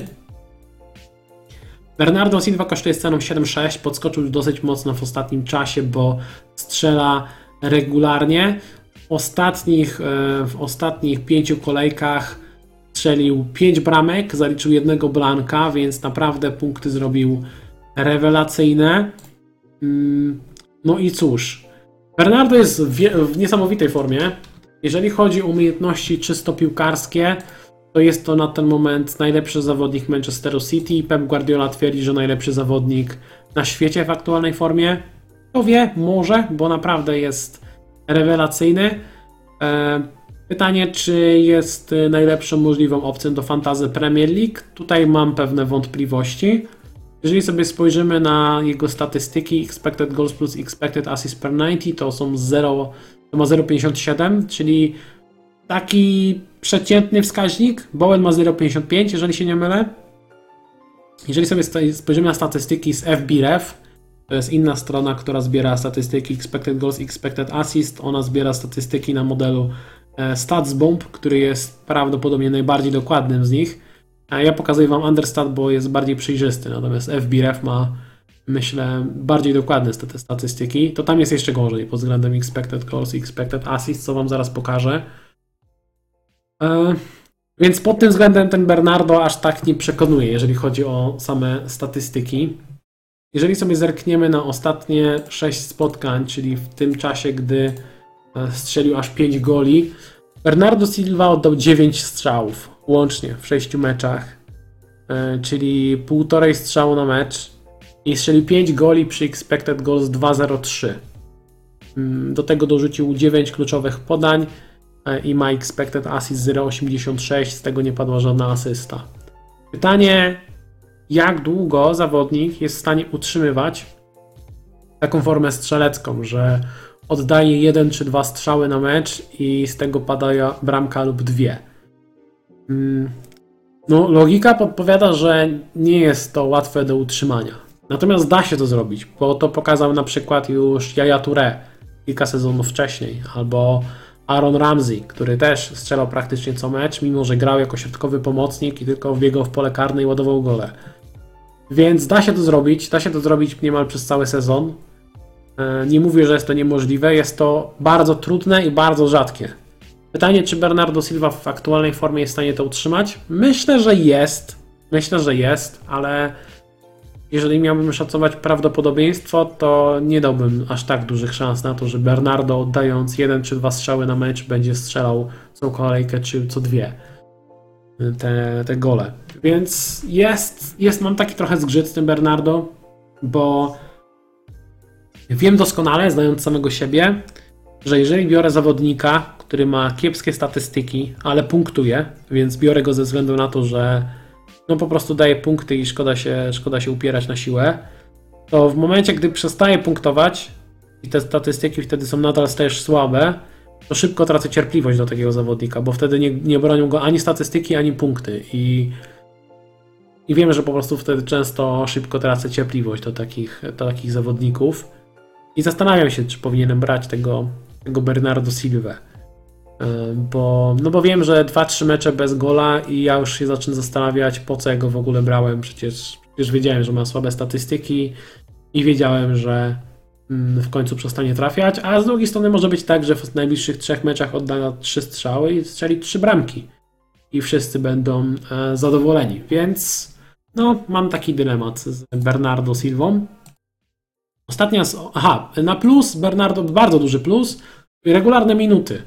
Bo po pierwsze, do tej pory gra praktycznie od deski do deski, a po drugie, dostał resta w meczu Ligi Mistrzów, więc zakładam, że po tym reście będzie w stanie zagrać e, w tych najbliższych trzech kolejkach, gdy City gra, gra 3 mecze w 8-9 dni. Myślę, że będzie w stanie Bernardo zagrać w każdym z tych trzech spotkań. Później jest tydzień przerwy do Boxing Day, gdzie City nie gra w Pucharze Ligi, więc mają tydzień przerwy i znów trzy mecze z rzędu. 26, 29 i 1 stycznia. I myślę, że realnie Bernardo jest w stanie zagrać w każdym z tych sześciu spotkań, więc przewiduję 6 na 6 występów w najbliższych sześciu kolejkach. E, I to jest e, duży plus Bernardo. I nie, zależy, nie należy o tym zapominać. Opcja numer 4 i ostatnia z Manchesteru City to Ilkay Gundogan. Najtańszy z nich kosztuje 7,3 miliona. Mm. Ostatnio zaliczył asystę w meczu z Watfordem. Wcześniej nie grał z Aston Villą, jeszcze wcześniej goli asysta z West Hamem. Gdy jest na boisku, to z reguły punktuje e, dobrze. Ma łącznie 3 gole i 2 asysty. Nieźle jak na 830 minut na boisku. Jeżeli sobie spojrzymy na statystyki tego, z tego sezonu, łącznie Gundogan ma e, expected goals plus expected assists per 90 0,81. Jest to wynik podobny do Phila Fodena, czyli naprawdę bardzo dobry i dużo lepszy od e, Grealisha czy Bernardo Silva.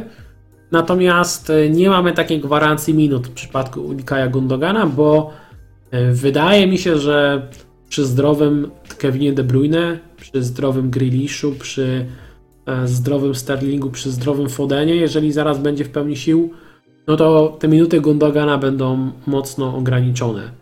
Ym, Wydaje mi się, że Gundogan nie należy do tej najsilniejszej możliwej wyjściowej jedenastki Manchesteru City. Więc e, to jest, to jest minus. Gdybym miał Gundogana, to pewnie bym go nadal trzymał, natomiast nie wydaje mi się, żeby to był dobry moment na kupno Gundogana, gdy już prawie wszyscy zawodnicy są zdrowi i to ryzyko rotacji jest e, większe. Jeżeli sobie spojrzymy na ostatnie 6 spotkań, w których Gundogan zagrał, tylko tutaj ostrzegam, że sięgamy statystykami aż do września, to łącznie w tych sześciu meczach Gundo oddał 14 strzałów i strzelił dwie bramki przy expected goals 4.05, więc mogło być tych goli więcej. Do tego dorzucił 13 kluczowych podań i dał jedną asystę przy expected assist 1.51. Więc te statystyki były rewelacyjne, punktów mogło być więcej. Natomiast e, zabrakło skuteczności, zabrakło trochę szczęścia i zabrakło minut więcej, żeby tych punktów też było więcej. No i cóż, każda z tych opcji ma swoje plusy i minusy. Pokażę Wam zestawienie, które przygotował e, sam, członek angielskiej społeczności Fantasy Premier League. Znajdziecie go na Twitterze wpisując Regret FPL. Przygotował dwie bardzo ciekawe grafiki właśnie w oparciu z, o statystyki z, e, z FBref, czyli te z modelu StatsBomb. I porównał jak wyglądają. e, Pierwsza grafika to jest porównanie statystyk e, expected assist i non-penalty expected goals na, na grafie, jak to wygląda w tych opcjach ofensywnych. Uwzględnił też Jezusa i Mareza, zawodników, o, którym, o których nie wspominałem. I jak to wygląda, jeżeli chodzi o, o właśnie statystyki non-penalty expected goals i expected assist. Teoretycznie im bardziej w prawym górnym rogu, tym lepiej i tutaj wygląda na to, że Foden jest poza konkurencją, jeżeli chodzi o same statystyki. Natomiast e, na samym lewym dolnym rogu, czyli na samym dnie, jeżeli chodzi o same statystyki, jest Bernardo Silva. Więc teoretycznie Bernardo Silva ma najgorsze statystyki, a punktuje najlepiej. No i to jest taki klasyczny dylemat, czy, sugerować się z tymi statystykami, czy sugerować się tą, tą mistyczną taką formą, że po prostu jak jest zawodnik w formie, to skoro wszystko mu wpada do tej pory, to pewnie będzie wpadać dalej. No, to jest, to jest dylemat, to jest dylemat. Natomiast też bardzo ciekawe jest kolejne zestawienie, e, które pokazuje, jaki procent spotkań mm, rozegrali zawodnicy, jeżeli byli w pełni sił. I najbardziej nas interesują pierwsze dwie tabelki dotyczące Premier League, bo później mamy też e, Champions League i łączne statystyki.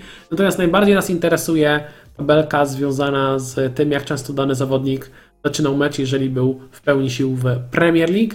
I tak, Foden zagrał 8 na 9 spotkań, Bernardo Silva 14 na 15, Gundogan 10 na 12, Grealish 10 na 12, Jesus 11 na 14, Mares 4 na 15, więc widzimy, że tutaj Mares praktycznie odpada. Pozostałe opcje są dosyć porównywalne. Bernardo jest nieco, nieco z przodu, jeżeli chodzi łączne o, o łączną liczbę startów, ale zobaczcie, że to nie jest tak, że Bernardo deklasuje tutaj drugiego Fodena, bo no tak naprawdę jeden i drugi opuścił dosłownie jeden mecz e, w tym sezonie, gdy był w pełni sił. Więc no, można się zastanawiać, co jest lepsze. Czy lepiej postawić na tego Bernardo, który ma najpewniejsze minuty, ale ma najgorsze statystyki, zaryzykować z jakimś Fodenem, Gundoganem, czy kimś takim, którzy mają lepsze statystyki, ale mniej pewne, mniej, pewne minuty. Tak to, e, tak to wygląda. Decyzja oczywiście należy, należy do Was. Ja sam się waham, co zrobić w tej sytuacji i nie jestem pewien, więc. no, gdyby był Foden w pełni sił, to pewnie postawiłbym na Fodena. Natomiast jeżeli się okaże, że nie będzie w pełni sił, to możliwe, że jednak sięgnę po Bernardo. Ale nie zapominajmy o pozostałych opcjach. Teraz przejdę do Masona Mounta, m, który kosztuje 7,5 miliona. Zaliczył dwie dwucyfrówki z rzędu. E, Goli asysta z West Hamem, wcześniej goli asysta z Watfordem. E, Wcześniej przed kontuzją zaliczył w meczu z Norwich 3 gole i asystę, więc łącznie statystyki Masona Mounta są naprawdę dobre, bo już 5 goli i 5 asyst w tym sezonie. Jeżeli chodzi o kalendarz Chelsea, to teraz na rozkładzie jest Leeds, Everton, Wolverhampton, Aston Villa i Brighton. Tak to wygląda do e, końca tego roku kalendarzowego, więc statystyki są ok. Jeżeli sobie spojrzymy na statystyki ofensywne drużyny Chelsea, to w 9 ostatnich meczach strzelili 23 bramki, mają expected goals 19,51 i to jest trzeci najlepszy wynik w całej lidze, więc ta ofensywa Chelsea generalnie wygląda dobrze. E, Nie można się tutaj przyczepić. Mount, gdy, Mount, gdy jest na boisku, też bierze większość stałych fragmentów. To się przekłada na generalnie dobre statystyki w tym sezonie, bo Gdy spojrzymy na wszystkie spotkania rozegrane do tej pory, ma expected goals plus expected assist per 90 0,81. I to są dobre statystyki, to są statystyki właśnie na poziomie e, Masona, e, przepraszam, e, na, na poziomie Phila Fodena czy Ilkaja Gundogana. Więc może jakąś opcją jest branie Masona Mounta, i, a nie próba na siłę wybierania pomocnika e, Manchesteru City. Jest to, jest to jakieś rozwiązanie. Jeżeli sobie spojrzymy na ostatnie, może zerkniemy na 7 spotkań, bo tutaj po drodze jest, e, są dwa występy z ławki. No dobra, nawet trzy. No dobra, sumujemy się tych 7 spotkań. No właśnie do tego też zmierzałem za chwilę, ale o tym za, za moment.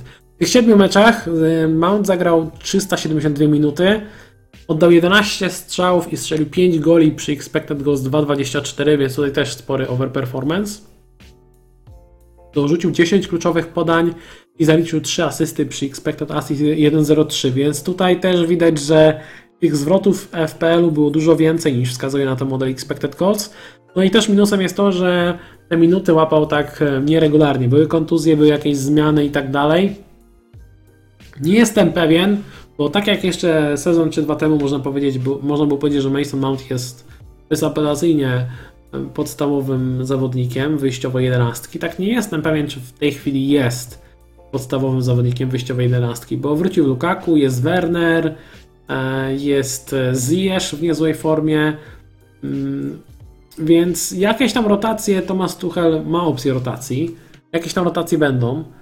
I nie jestem pewien, bo gdyby Mason Mount grał od deski do deski w każdym meczu po 90 minut, to to byłaby naprawdę rewelacyjna opcja, patrząc na to, jakie ma statystyki w tym sezonie, jak bardzo jest skuteczny, e, jaki ma udział przy, przy golach Chelsea.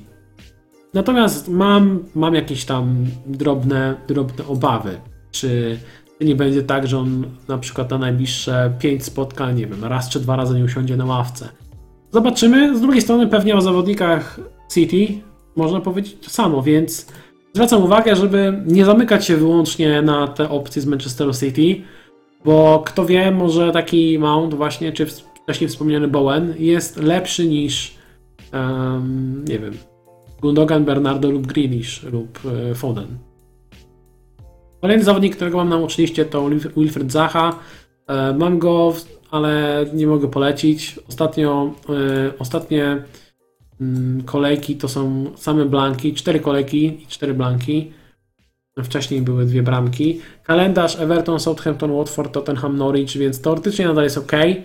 Jeżeli ktoś ma Zachę, to myślę, że są ważniejsze problemy niż wyrzucanie Zachy. Pewnie bym go trzymał aż do tego meczu z Norwich, bo kalendarz jest naprawdę dobry, natomiast na pewno rozczarowuje Zacha jeżeli chodzi o punkty w ostatnim, ostatnim czasie. Generalne statystyki w tym sezonie ma dobre. Expected goals plus expected assist per 90 0,46, więc jest w porządku. Bez szału, ale, ale w porządku. Jak sobie spojrzymy na ostatnie 6 spotkań, 10 strzałów i 2, dwie bramki przy expected goals 1,54, do tego 9 kluczowych podań, 0 assist przy expected assist 0,91. Natomiast w ostatnich czterech meczach był praktycznie, no, no nie stwarzał aż takiego zagrożenia, bo te, te, w ostatnich sześciu meczach łapią się te dwie bramki, natomiast jak spojrzymy na cztery ostatnie mecze, to już jest naprawdę dużo gorzej. E, więc widać pewien zjazd tych statystyk. Palace też zagrało ostatnio kilka gorszych spotkań, więc na pewno to ma wpływ na statystyki e, Zachy. No nie jest to najlepsza opcja, ale mówię, no pewnie są ważniejsze, transfery do zrobienia niż wywalanie Zachy ze składu. James Madison, cena 6,7, ostatnio zaliczył Blanka z Aston Villą po dwóch dwucyfrówkach e, z rzędu. Zobaczymy jak będzie z tą formą w najbliższym czasie. Kalendarz Newcastle, Tottenham, Everton City, Liverpool, Norwich. Więc jeżeli ktoś go ma, to na pewno warto przetrzymać do tego meczu z Newcastle. Można też dłużej trzymać. Jeżeli ktoś myśli o tym, żeby go kupić, to myślę, że Bowen jest lepszą opcją niż Madison. Jeżeli sobie spojrzymy na statystyki Madisona, to łącznie w tym sezonie ma expected goals plus expected assist per 90 0,36. Niezbyt dobre, niezbyt dobre, natomiast patrząc na ostatnie 6 kolejek jest nieco lepiej, bo jest tutaj Y, może spojrzę na, na 7, bo tutaj jest jeden, jedno wejście na 8 minut. E, więc spójrzmy sobie na ostatnie 6 występów e, w składzie tak naprawdę. No dobra, to jest jedno wejście z ławki, nieważne.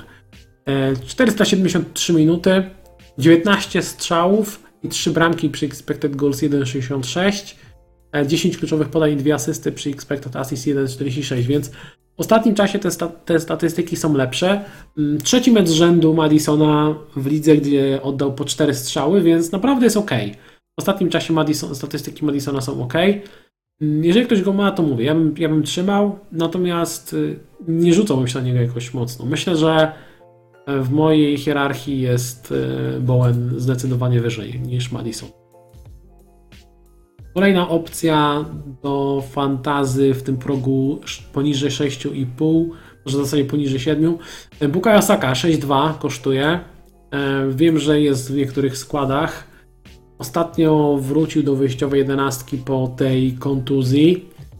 E, jeżeli chodzi o kalendarz, Southampton, West Ham, Leeds, Norwich, Wolverhampton. Kalendarz jest nadal dobry, więc jeżeli ktoś go trzymał cały czas, to myślę, że można go nadal trzymać. Chyba też są ważniejsze, yy, ważniejsze transfery do zrobienia niż e, próba wywalenia Saki, który statystyki ma w miarę przyzwoite w tym sezonie. Jest dosyć tani i myślę, że można go, można go przetrzymać.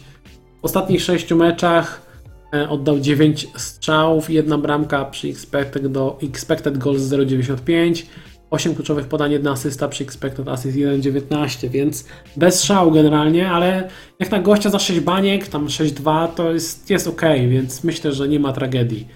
E, Gallagher, widziałem, że wiele osób go sprzedaje, kosztuje 6.1, zaliczył 3 blanki z rzędu i owszem, gra nieco głębiej, gra na pozycji numer 8, takiego box to boxa, ma sporo zadań defensywnych. Wspominałem o tym już jakiś czas temu, że ta pozycja Gallaghera się zmieniła. Czy to jest jakoś dobrze? No niezbyt dobrze, ale też myślę, że bez tragedii. E, wydaje mi się, że panika związana jest z Gallagherem jest trochę zbyt duża, bo taka jest narracja w społeczności, że no Gallagher gra na, na szóstce, gra defensywnego pomocnika, nic już nie da. No nie do końca, bo on nadal jakby robi swoje, czyli wchodzi w drugie tempo w pole karne, czyli to nie zmienia się aż tak, aż tak wiele w jego grze. Kalendarz jest nadal w porządku. Everton, Southampton, Watford, Tottenham, Norwich. Myślę, że można spokojnie Gallaghera jeszcze przetrzymać w składzie. Natomiast jeżeli kogoś stać na to, żeby w to miejsce kupić Bowena, kupić pomocnika City, no to bym się za długo nie e, zastanawiał i bym sobie taką opcję zdecydowanie wybrał. E, statystyki z ostatnich 6 spotkań Gallaghera to 8 strzałów i 15 kluczowych podań, 2 gole przy expected goals 1,68 i dwie asysty przy expected assist 1,58. Ktoś może powiedzieć, że tutaj ten mecz City nabił statystyki albo mecz z Wolverhampton. I jeżeli sobie spojrzymy na ostatnie 4 spotkania, gdzie dał tylko jedną asystę w FPL-u, nadal są 4 strzały, 7 kluczowych podań, więc jest w miarę ok. Bo te 4 strzały, czyli jeden strzał na mecz, to jest, no, no dobra, trochę poniżej średniej z tego sezonu, ale to nie jest jakiś dramat we wcześniejszych meczach to nie było tak, że Gallagher oddawał e, po, po 5 strzałów na mecz, tak? On z reguły oddawał 1-2 strzały w prawie każdym meczu, więc to się aż tak bardzo, aż tak bardzo nie zmieniło. Myślę, że zjazd trochę tych statystyk Gallaghera i to mniejsze zagrożenie wynika głównie z tego, że Palace grało ostatnio przeciętnie. Mm, no i ostatnia z opcji, które mam na watchliście z tych tanich zawodników to Demarai Gray, który kosztuje 5,5 miliona. Chyba jedyna opcja w tym progu cenowym, którą mogę polecić. E, wrócił po kontuzji, strzelił gola z Liverpoolem, strzelił gola i zaliczył asystę z Arsenalem. Naprawdę dobre spotkania. Kalendarz jest całkiem niezły moim zdaniem. Palace, Chelsea, Leicester, Berlin, Newcastle, Brighton. Tak to wygląda do 2 stycznia włącznie. Więc poza tymi, no teraz może, że są te najbliższe trzy mecze trochę trudniejsze, ale z drugiej strony no, widać, że, że, że Gray jest w formie i to dużo chyba będzie zależało, jeżeli chodzi o punkty Evertonu w najbliższych kolejkach od Meraja Greya, bo ten powrót Calverta Luina się przedłuża, więc tutaj będzie dużo zależało właśnie od Greya i od, od Richarlisona i w tej cenie myślę, że lepszej opcji nie ma niż Gray. Jeżeli sobie spojrzymy na jego statystyki w trakcie całego e, sezonu, ma łączny expected goals plus expected assist per 90 0,34, czyli bez szału generalnie. strzelił 5 goli przy expected goals 2,49. No to ostatnia bramka z Arsenalem, no to no było rewelacyjne uderzenie. Ciężko powiedzieć, czy będzie strzelał aż tak często, czy często będzie ładował po okienkach i tak dalej. No pewnie nie, ale i tak jest to chyba najlepsza opcja w tej cenie. E, Łącznie w sześciu ostatnich spotkaniach oddał 16 strzałów, dwie bramki przy expected goals 1,13, 4 kluczowe podania i bez asysty przy expected assist 0,12, więc zagrożenie jest. No 16 strzałów w, 16, sp- w- w 6 spotkań, gdzie tutaj są dwa mecze z ławki po drodze. E, To wygląda dobrze. No, gdy grał w podstawowym składzie 3 strzały z Wolverhampton, 5 z Tottenhamem, 3 z Liverpoolem, 3 z Arsenalem. Pomocnik za 5,5, który oddaje 3 strzały na mecz, to jest moim zdaniem dobra opcja. To tyle, jeżeli chodzi o pomocników, których mam na watchliście. Jeżeli macie jakieś pytania dotyczące pomocy, to piszcie, postaram się Wam odpowiedzieć. E, Jest sporo osób na streamie, także będę wdzięczny za łapki w górę, jeżeli Wam się podoba. I za chwilę przejdziemy sobie do napastników. Co sądzisz o Bruno, gdy nie stać Cię na Ronaldo? No wiesz co, Bruno jest tylko niewiele tańszy niż Ronaldo. Moim zdaniem lepiej dołożyć do Ronaldo. E, Po pierwsze, gra wyżej na boisku, bo Bruno gra jako ofensywny pomocnik, Ronaldo gra na środku ataku. Po drugie, Ronaldo wygląda na to, że będzie miał rzuty karne, a nie Bruno, przynajmniej do momentu, gdy Ronaldo będzie je trafiał. E, No i patrząc jak gra United, to myślę, że tam sporo będzie podporządkowane pod to, żeby Ronaldo miał jak najwięcej sytuacji strzeleckich. Kalendarz jest taki, że myślę, że Ronaldo będzie strzelał wiele goli, ale do Ronaldo przejdziemy za chwilę. Więc ja bym osobiście wolał jakoś uzbierać na Ronaldo. Mam do wywalenia Sona i Bisumy. E, chcę wydać minus 4. Kto za nich? Mam w pomocy De Bruyne, Smithrowa, Salaha. W banku zaledwie 1. No, poczekaj na informacje na temat Diogo Rzoty. Jeżeli Diogo Rota będzie zdrowy, to Rota w pierwszej kolejności. E, spoglądałbym w stronę też Bowena jako tańszej opcji. No i też e, Foden lub Bernardo, zależy czy Foden będzie zdrowy, więc mm, no najbezpieczniejsze wybory to pewnie Bernardo plus Bowen, bo to są zdrowi zawodnicy. Natomiast e, widzę też sens w braniu Rzoty lub Fodena, jeżeli, jeżeli będą gotowi na najbliższą kolejkę. Kogo byś kupił za co? No? Żota, Bernardo czy Mount? Żota byłby moim numerem jeden, e, jeżeli będzie zdrowy, więc poczekałbym na konferencję prasową do tego wyboru. Czy Bernardo Silva za to dobry wybór? Dobry. Jeden z kilku dobrych, dobry. Wiem, czy najlepszy. Kto lepszy na tę kolejkę? Buemo czy Gallagher do wyjściowej jedenastki? No, ja w takich sytuacjach zazwyczaj opieram się o odsy bookmacherów. Jeżeli sobie spojrzymy na szanse na gola, Gallagher ma 19, em, Buemo ma 30, więc ja bym zdecydowanie brał Buemo w tej kolejce. Gallaghera bym posadził. Eee, Wojtek pisze, że ma Sona, Reginola, Toneja, Fodena i oni nie zagrają. Z tym Fodenem nic pewnego, więc tutaj mamy znak zapytania. Jeśli choć jeden gracz typu Żota nie zagra, nie uzbieram składu, co sądzisz? Lepiej zrobić jeden, dwa transfery i przetrzymać na przykład graczy Tottenhamu i liczyć, że reszta zagra, czy iść w bank za minus 8-12 i brać Ronaldo, Gundogana, Bowena, mieć pewność?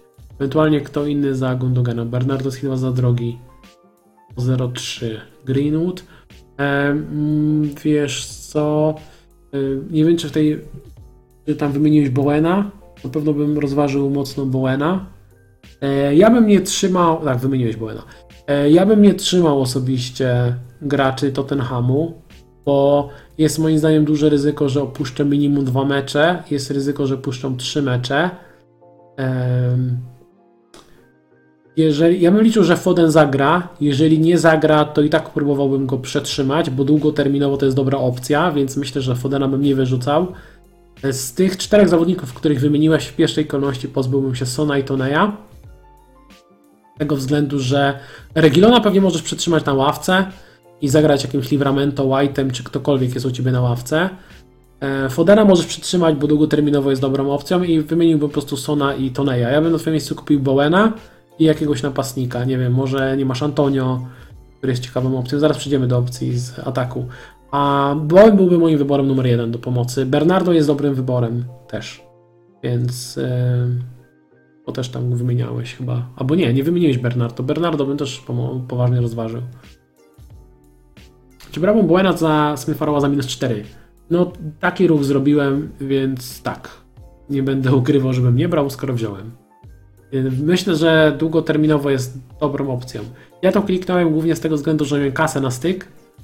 E, Można przeczekać i, i zrobić ten ruch na przykład przed kolejką 18, przed meczem z Norwich, e, gdy West Ham będzie grał z Norwich, więc można się wstrzymać, jeżeli twoja drużyna na to pozwala i budżet na to pozwala. Rzuciłbym Sancheza za minus 4? Raczej nie. E, O napastnikach sobie za chwilę porozmawiamy. Bowen Ronaldo to też za moment. O Jezusie też za chwilkę porozmawiamy. Trzymaj się i do, do powodzenia w następnej kolejce.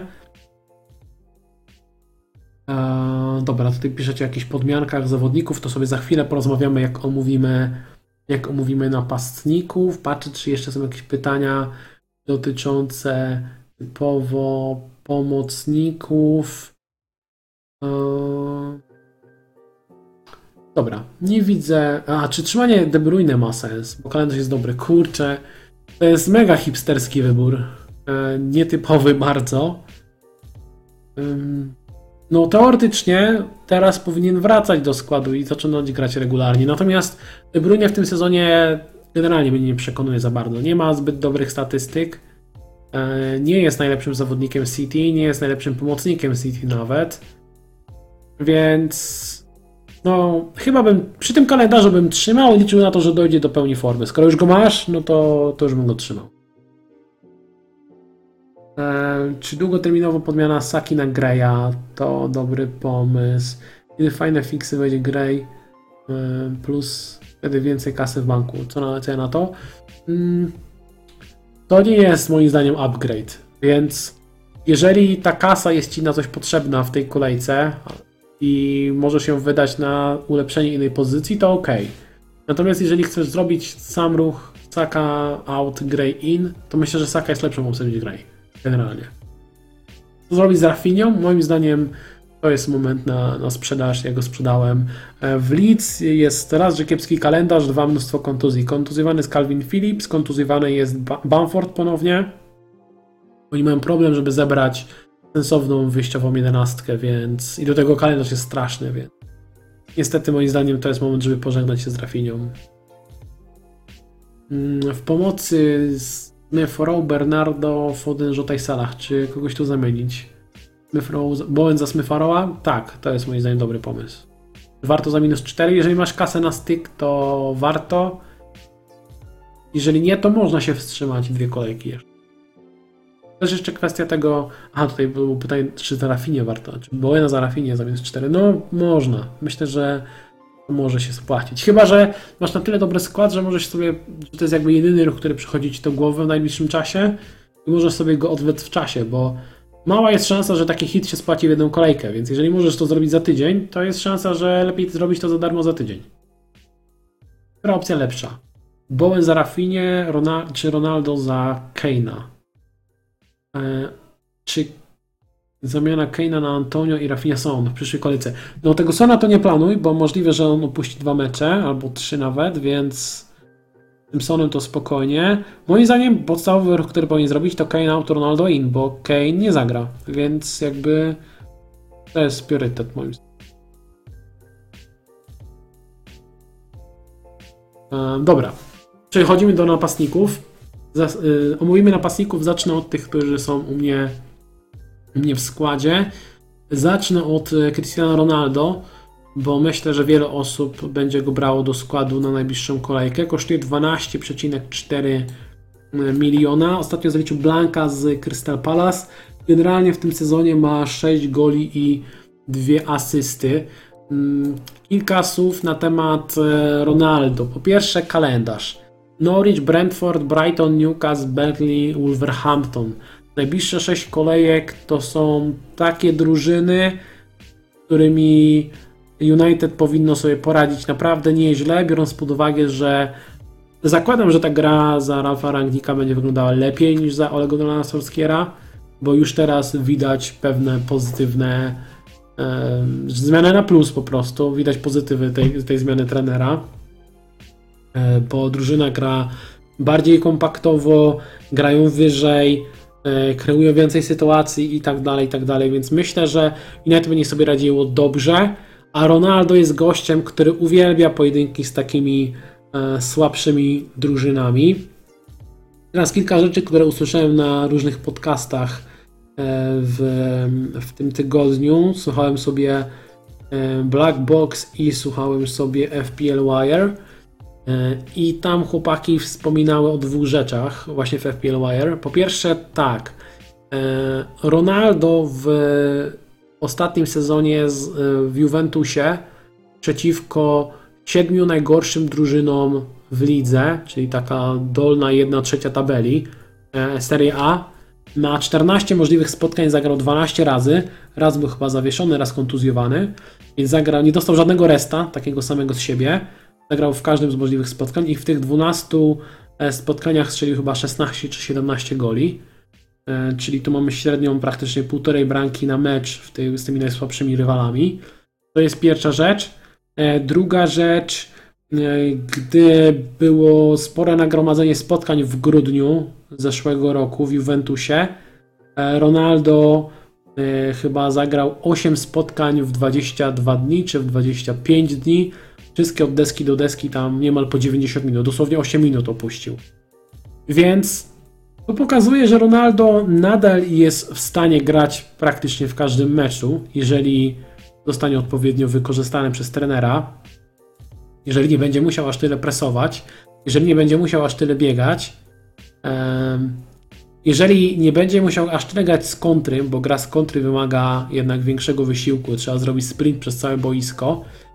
Jeżeli Manchester United będzie dominował w meczach z takimi drużynami jak Norwich, Brentford, Brighton, Newcastle, Burnley i Ronaldo będzie mógł się skupić na tym, żeby stać w polu karnym, to jest szansa, że będzie grał regularnie i jest szansa, że będzie strzelał regularnie, bo to jest Cristiano Ronaldo.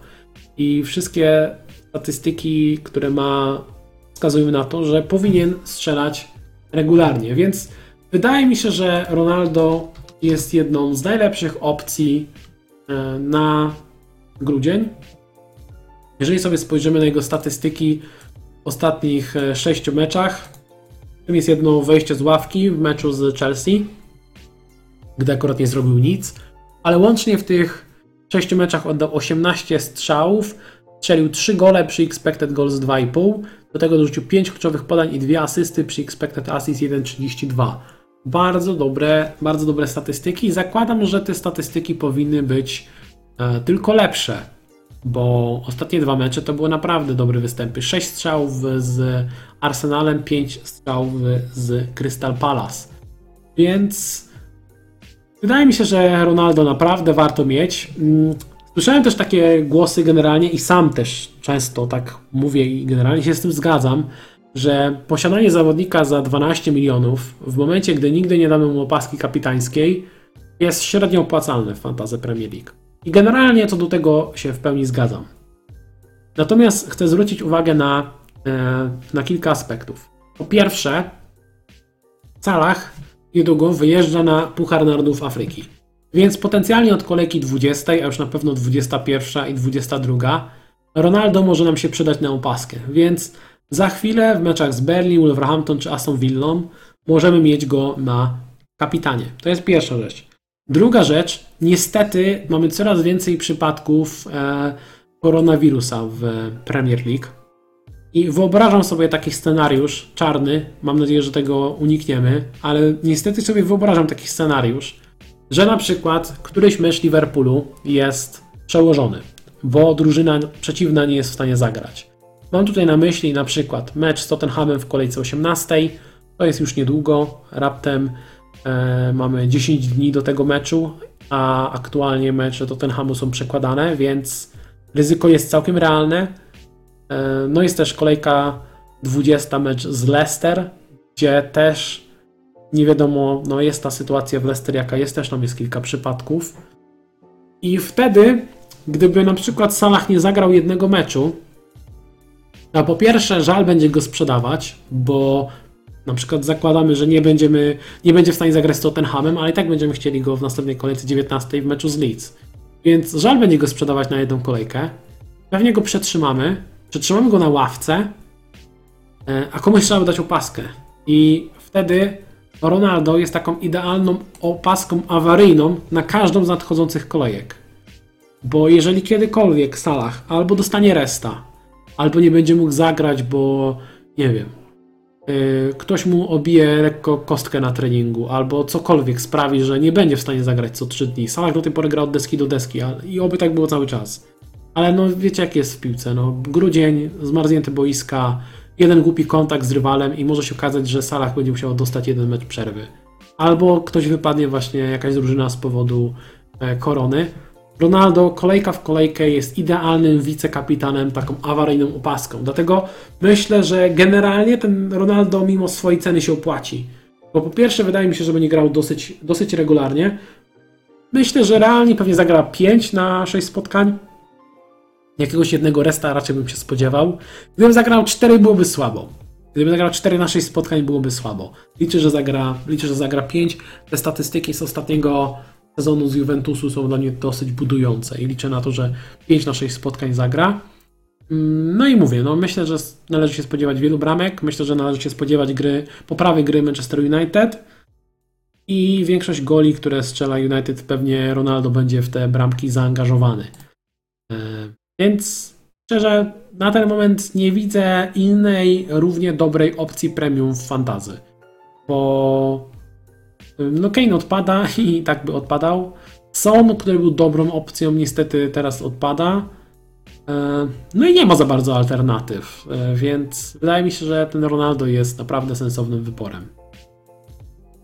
E, Kolejny napastnik, który jest u mnie w składzie, to Antonio, który kosztuje 7,9. E, W ostatniej kolejce zaliczył asystę, mogło tych punktów być więcej. Generalnie w ostatnim czasie tych punktów zbyt wiele nie ma, ale myślę, że to się bardzo szybko zmieni. E, Kalendarz: Burnley, Arsenal, Norwich, Southampton, Watford, Crystal Palace. Bardzo dobry kalendarz e, West Hamu. W dzisiejszym meczu e, Ligi Europy West Ham zagrał totalnie rezerwowym składem, więc zawodnicy dostali resta, co, co oczywiście bardzo cieszy.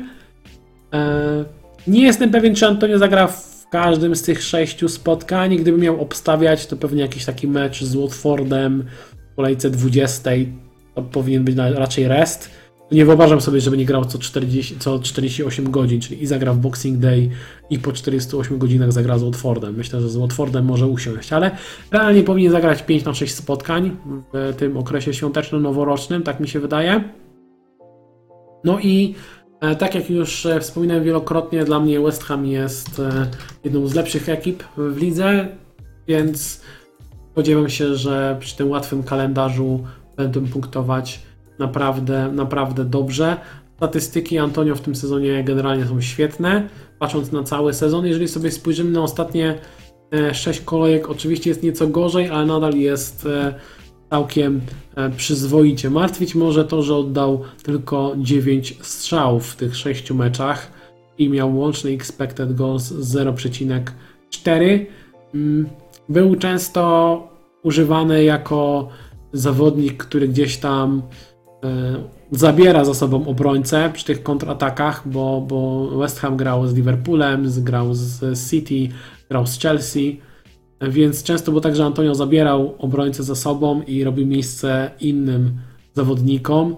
E, W efekcie z bocznego sektora na przykład wrzucał i stąd jest 10 kluczowych podań, expected assist 1,65 i z tego padła asysta. Akurat ta asysta była dosyć, e, dosyć szczęśliwa, ale mógł mieć dwie inne asysty.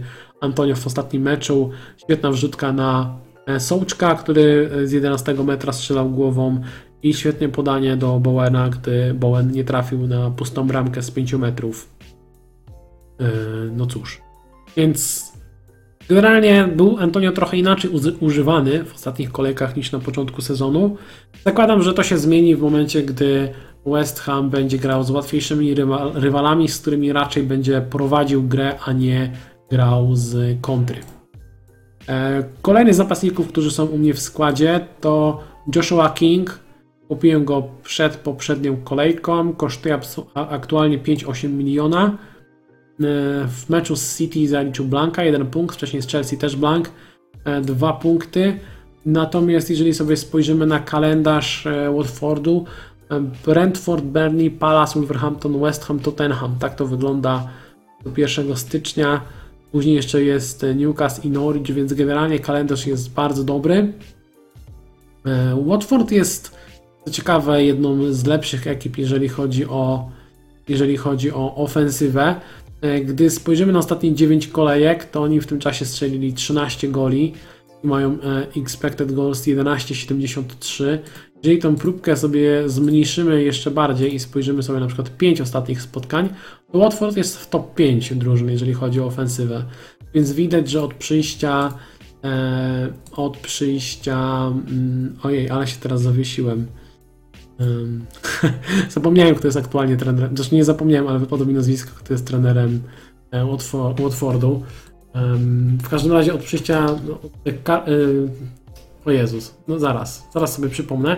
Od przyjścia nowego trenera widać, że punktują, e, a grają bardzo dobrze w ofensywie. Jaka Ranieri, no właśnie, jaka luka w mózgu. Masakra. E, Nie wiem czemu ciągle myślałem o Carlo Ancelotti i nie mogłem tego Carlo Ancelottiego wyrzucić z głowy. E, W ostatnich sześciu meczach e, Joshua King oddał 15 strzałów i ma dwie bramki przy expected goals 2,87. E, Do tego 9 kluczowych podań i bez asysty przy expected assist 0,76. Generalnie statystyki są naprawdę bardzo, bardzo, bardzo dobre. Tak, to, że zdobywca mistrza z Leicester, to, to oczywiście wiem, ale no zresztą Ranieriego też y, no, nie wypada nie znać, ale jakoś nie mogłem tego Ancelottiego e, wyrzucić, wyrzucić z głowy. Więc King jest, e, King jest świetnym wyborem moim zdaniem do ataku e, w tej cenie. Za chwilę sobie go porównamy z Denisem, gdy przejdziemy do tego Denisa. Nowicz, to jest dobre uzasadnienie, że Karol jest przekocurem i ciężko wyrzucić z głowy. No niestety w Evertonie nie radzi sobie już tak dobrze, no ale trudno. Dobra, przejdziemy do pozostałych napastników, których mam na watchliście. Pierwszy na watchliście jest Lukaku i tutaj dosłownie jedno zdanie. Rzuciłem Lukaku na watchlistę, bo jak sama nazwa wskazuje, zamierzam go obserwować. Na razie nie zamierzam go polecać w żadnym stopniu. Dwa mecze zaczął ostatnie ligowe na ławce. W meczu Ligi Mistrzów zaczął od pierwszej minuty. E, Strzelił bramkę po podaniu Wernera, jeżeli, się, jeżeli dobrze pamiętam. Warto obserwować, bo kalendarz Chelsea jest niezły. Leeds, Everton, Wolverhampton, Aston Villa, Brighton. Jeżeli Lukaku zacznie grać regularnie w pierwszym składzie, to będzie bardzo ciekawą opcją. I tyle, co na razie mam do powiedzenia na temat Lukaku. O Wardim też będzie króciutko, bo Jamie Vardy ostatnio zaczął mecz na ławce z Aston Villą. Tego można było się spodziewać. Wspominałem o tym, że może tak się wydarzyć, bo Leicester miał bardzo ważny mecz Ligi Europy z Napoli. Niestety ten mecz e, przegrali, więc e, na niewiele to się zdało, ale, ale no, dzięki za walkę, Leicester. E, Kalendarz niby jest ok, bo jest e, Newcastle, Tottenham, Everton, e, City, Liverpool, Norwich. Natomiast e, to, że w, w kampusie ośrodku treningowym e, Tottenhamu jest epidemia korony, sprawia, że mecz w kolejce 17 stoi pod dużym znakiem zapytania. Dlatego ani Jamie Vardy, ani wspomniany wcześniej Madison, bo chyba nie wspomniałem o tym przy okazji Madisona, to dla mnie nie są opcje na teraz do kupienia do, do składu właśnie z tego względu, że jest ryzyko, że e, nie zagrają. Więc jak ktoś ma Wardiego, najbliższą kolejkę z Newcastle bym można przetrzymać, później pewnie trzeba będzie sprzedać, bo pewnie nie zagra, e, bo nie będzie rywala do gry.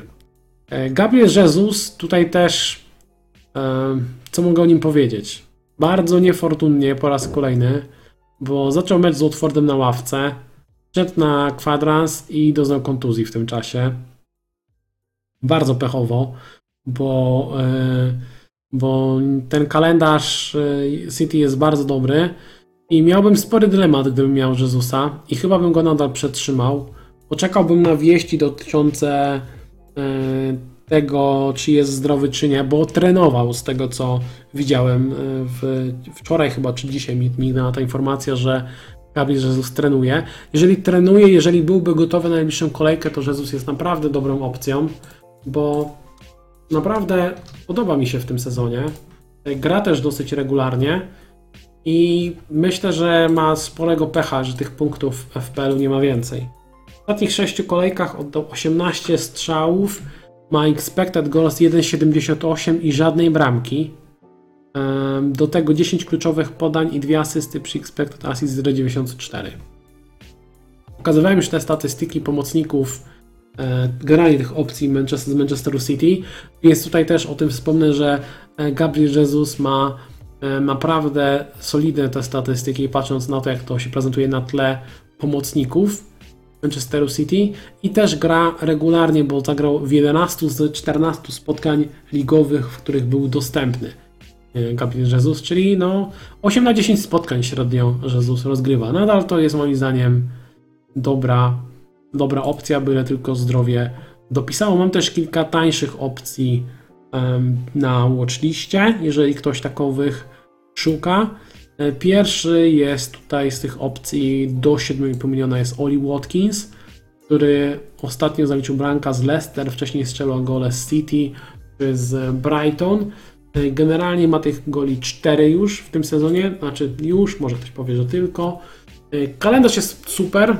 Liverpool, Norwich, Burnley, Chelsea, Leeds, Brentford. Tak to wygląda do 2 stycznia, więc dwa trudniejsze mecze, cztery łatwiejsze. Podoba mi się gra Aston Villa. Jeżeli, natomiast jeżeli sobie spojrzymy na statystyki ofensywne z ostatnich 9 kolejek, zdaję sobie sprawę, że nie wszystkie są pod wodzą e, Stevena Gerrarda, ale e, za Stevena Gerrarda też ta ofensywa nie jest priorytetem, raczej defensywa. W każdym razie w 9 meczach e, Aston Villa strzeliła 12 goli i ma expected goals 9,07. Jest to piąty najgorszy wynik w całej lidze, więc to jest trochę problem, że te statystyki y, nie są zbyt dobre, jeżeli chodzi o ofensywę. Mimo, że Watkins wygląda dobrze, to statystyki ma takie sobie. Jeżeli sobie porównamy na przykład z poprzednim sezonem, to są gorsze. W tym sezonie ma expected goals plus expected assist 0,41, w zeszłym sezonie ma 0,58, więc widać tutaj e, zjazd. Ostatnie 6 spotkań to raptem 9 strzałów. Goli 3 przy expected goals 1,57, 6 kluczowych podań bez asysty przy expected assist 0,4. No, te dwa strzały można liczyć, że na mecz odda, tylko że nie mam chyba aż takiego zaufania do Olego Watkinsa. To nie jest chyba aż tak aż tak em, skuteczny napastnik, żeby mu aż tak zaufać, że gdy będzie miał dwa strzały na mecz, to będzie strzelał regularnie. Yy, Nadal myślę, że jest jakieś ryzyko rotacji z Inksem, gdy Inks będzie w pełni sił, więc ten Watkins jest taki ok, ale ma pewne minusy moim zdaniem. Callum Wilson, jeżeli ktoś go miał w najbliższych kolejkach, to gratulacje. Bramka z Norwich, bramka z Burnley. Mm, Callum Wilson robi swoje, yy, nic nie gra i strzela gole. Yy, Tak, tak pół żartem, pół serio.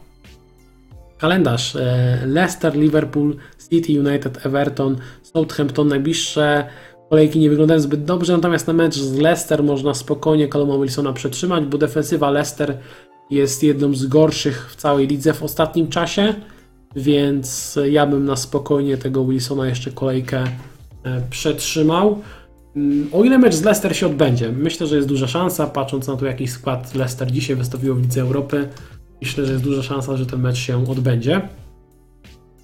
Patrząc na statystyki ostatnich e, sześciu, sześciu spotkań, Callum Wilson oddał 13 strzałów, czyli dwie bramki przy expected goals 2.11 i do tego dorzucił 5 kluczowych podań i 0 asyst przy expected assist 0.38. No czyli klasyczny Callum Wilson, dwa strzały na mecz i, i siedzą bramki i tyle. Więc, więc robi swoje. Robi swoje. Myślę, że na mecz z Leicester można go spokojnie trzymać, ale raczej bym go nie kupił na ten moment. Dodałem Chrisa Uda, e, który kosztuje 6,7. Trochę z braku laku jest to jakaś opcja. Mm, Myślę, że powinien grać wobec kontuzji Corneta, powinien grać teraz regularnie po 90 minut, we wcześniejszych kolejkach schodził niekiedy wcześniej, gdyż e, Dyche miał nieco większy wybór w ofensywie. Teraz ten wybór będzie ograniczony poprzez brak Corneta i myślę, że e, myślę, że Chris Wood będzie grał regularnie, a regularne minuty to jest coś, co się bardzo przydaje w grudniu. Kalendarz West Ham, Watford, Aston Villa, Everton, United, Leeds. Tak to wygląda do 2 stycznia włącznie, więc generalnie jest to raczej dobry kalendarz, bym powiedział. Patrząc na statystyki Wooda, to one są takie dosyć stabilne, bym powiedział, w, jeżeli chodzi o poprzednie sezony, aczkolwiek w tym sezonie są najgorsze i pośród tych wszystkich pięciu sezonów, które ja ma w Berlin, bo Mm, W najlepszym sezonie miał expected goals plus expected assists per 90 0,68, a w tym sezonie ma najgorszy i ma 0,32. Więc widać tu pewien zjazd, co jest jakimś e, problemem. W ostatnich 6 meczach oddał 8 strzałów, ale z tego aż 5 strzałów padło w meczu z Brentford. I no, jak widzicie, Wood to jest raczej gość, po którym można się spodziewać jednego strzału na mecz, raczej niż dwóch, więc czy to jest jakaś wybitna opcja? No, raczej nie. Um, uzbierał expected goals 0,94 w 6 spotkań. Natomiast no, z braku laku może ktoś się na tego uda zdecyduje. Chociaż moim zdaniem są tu lepsze opcje i to jest taka opcja mocno hipsterska, chyba niepotrzebna. E, Christian Benteke kosztuje 6,4. E, W meczu z United Blank zagrał 66 minut, wcześniej z Leeds zagrał 22 minuty. E, To jest opcja teoretycznie dobra, tylko że ja się ciągle obawiam tej rotacji tego Benteke i o tym wspominam od, od dawna, od kilku kolejek, że Vieira ma spory, spory wybór w ofensywie i to mnie troszeczkę wstrzymuje z tym, żeby z czystym sumieniem tego Bentekę polecić. Kalendarz Everton, Southampton, Watford, Tottenham, Norwich jest dobry. Najbliższe 5 kolejek wygląda naprawdę dobrze. E, tylko, że Palace też zaczęło grać trochę gorzej. Natomiast e, no Benteke mimo wszystko statystyki ma, ma ok. Jeżeli sobie spojrzymy na e, cały sezon ma expected goals plus expected assists per 90 0,57. Tak dobrego wyniku nie miał od e, 4-5 sezonów. Tylko, że z drugiej strony ostatni taki naprawdę dobry sezon Benteke to był sezon 16-17 i trochę, tego, trochę czasu minęło od, od tego sezonu. Więc to zaufanie do Benteke w moim przypadku jest mocno ograniczone. Jeżeli do tego dorzucimy, że mm, jest ryzyko rotacji, to stąd u mnie takie nie do końca przekonanie do tego Benteke. W ostatnich 6 meczach oddał 17 strzałów i strzelił dwie bramki przy expected goals 1,82. Do tego 4 kluczowe podania i bez asysty przy expected assist 0,29, więc jest ok. Nie można się przyczepić do tych statystyk. Gdyby Benteke był jedyną opcją do ataku Palace i grał po 90 minut, to byłby dobrą opcją, bo Palace generalnie tworzy całkiem sporo tych sytuacji i no, ten Benteke odnajduje się w tym polu karnym, idą na niego te wrzutki i jest w porządku. Tylko, że tylko, że właśnie no, nie jest jedyną opcją i rotuje i to jest, to jest trochę problem Benteke. E, Timo Pukki, kolejna tania opcja, kosztuje 5,9. Ostatnio blank z Tottenhamem, wcześniej strzelał z Newcastle, Southampton i Brentford, więc generalnie w ostatnich pięciu kolejkach strzelił trzy bramki. Mm, Kalendarz United, Aston Villa, przepraszam, jeszcze raz. United, Aston Villa, West Ham, Arsenal, Crystal Palace, Leicester. Mm, Więc jest całkiem ok, ale niezbyt prosty ten kalendarz, bo ja tu nie widzę takiegoś jednego bardzo łatwego rywala. Więc zobaczymy, zobaczymy jak sobie poradzi Norwich. Generalnie odkąd e, przyszedł tam, tam Dean Smith, to gra Norwich wygląda lepiej.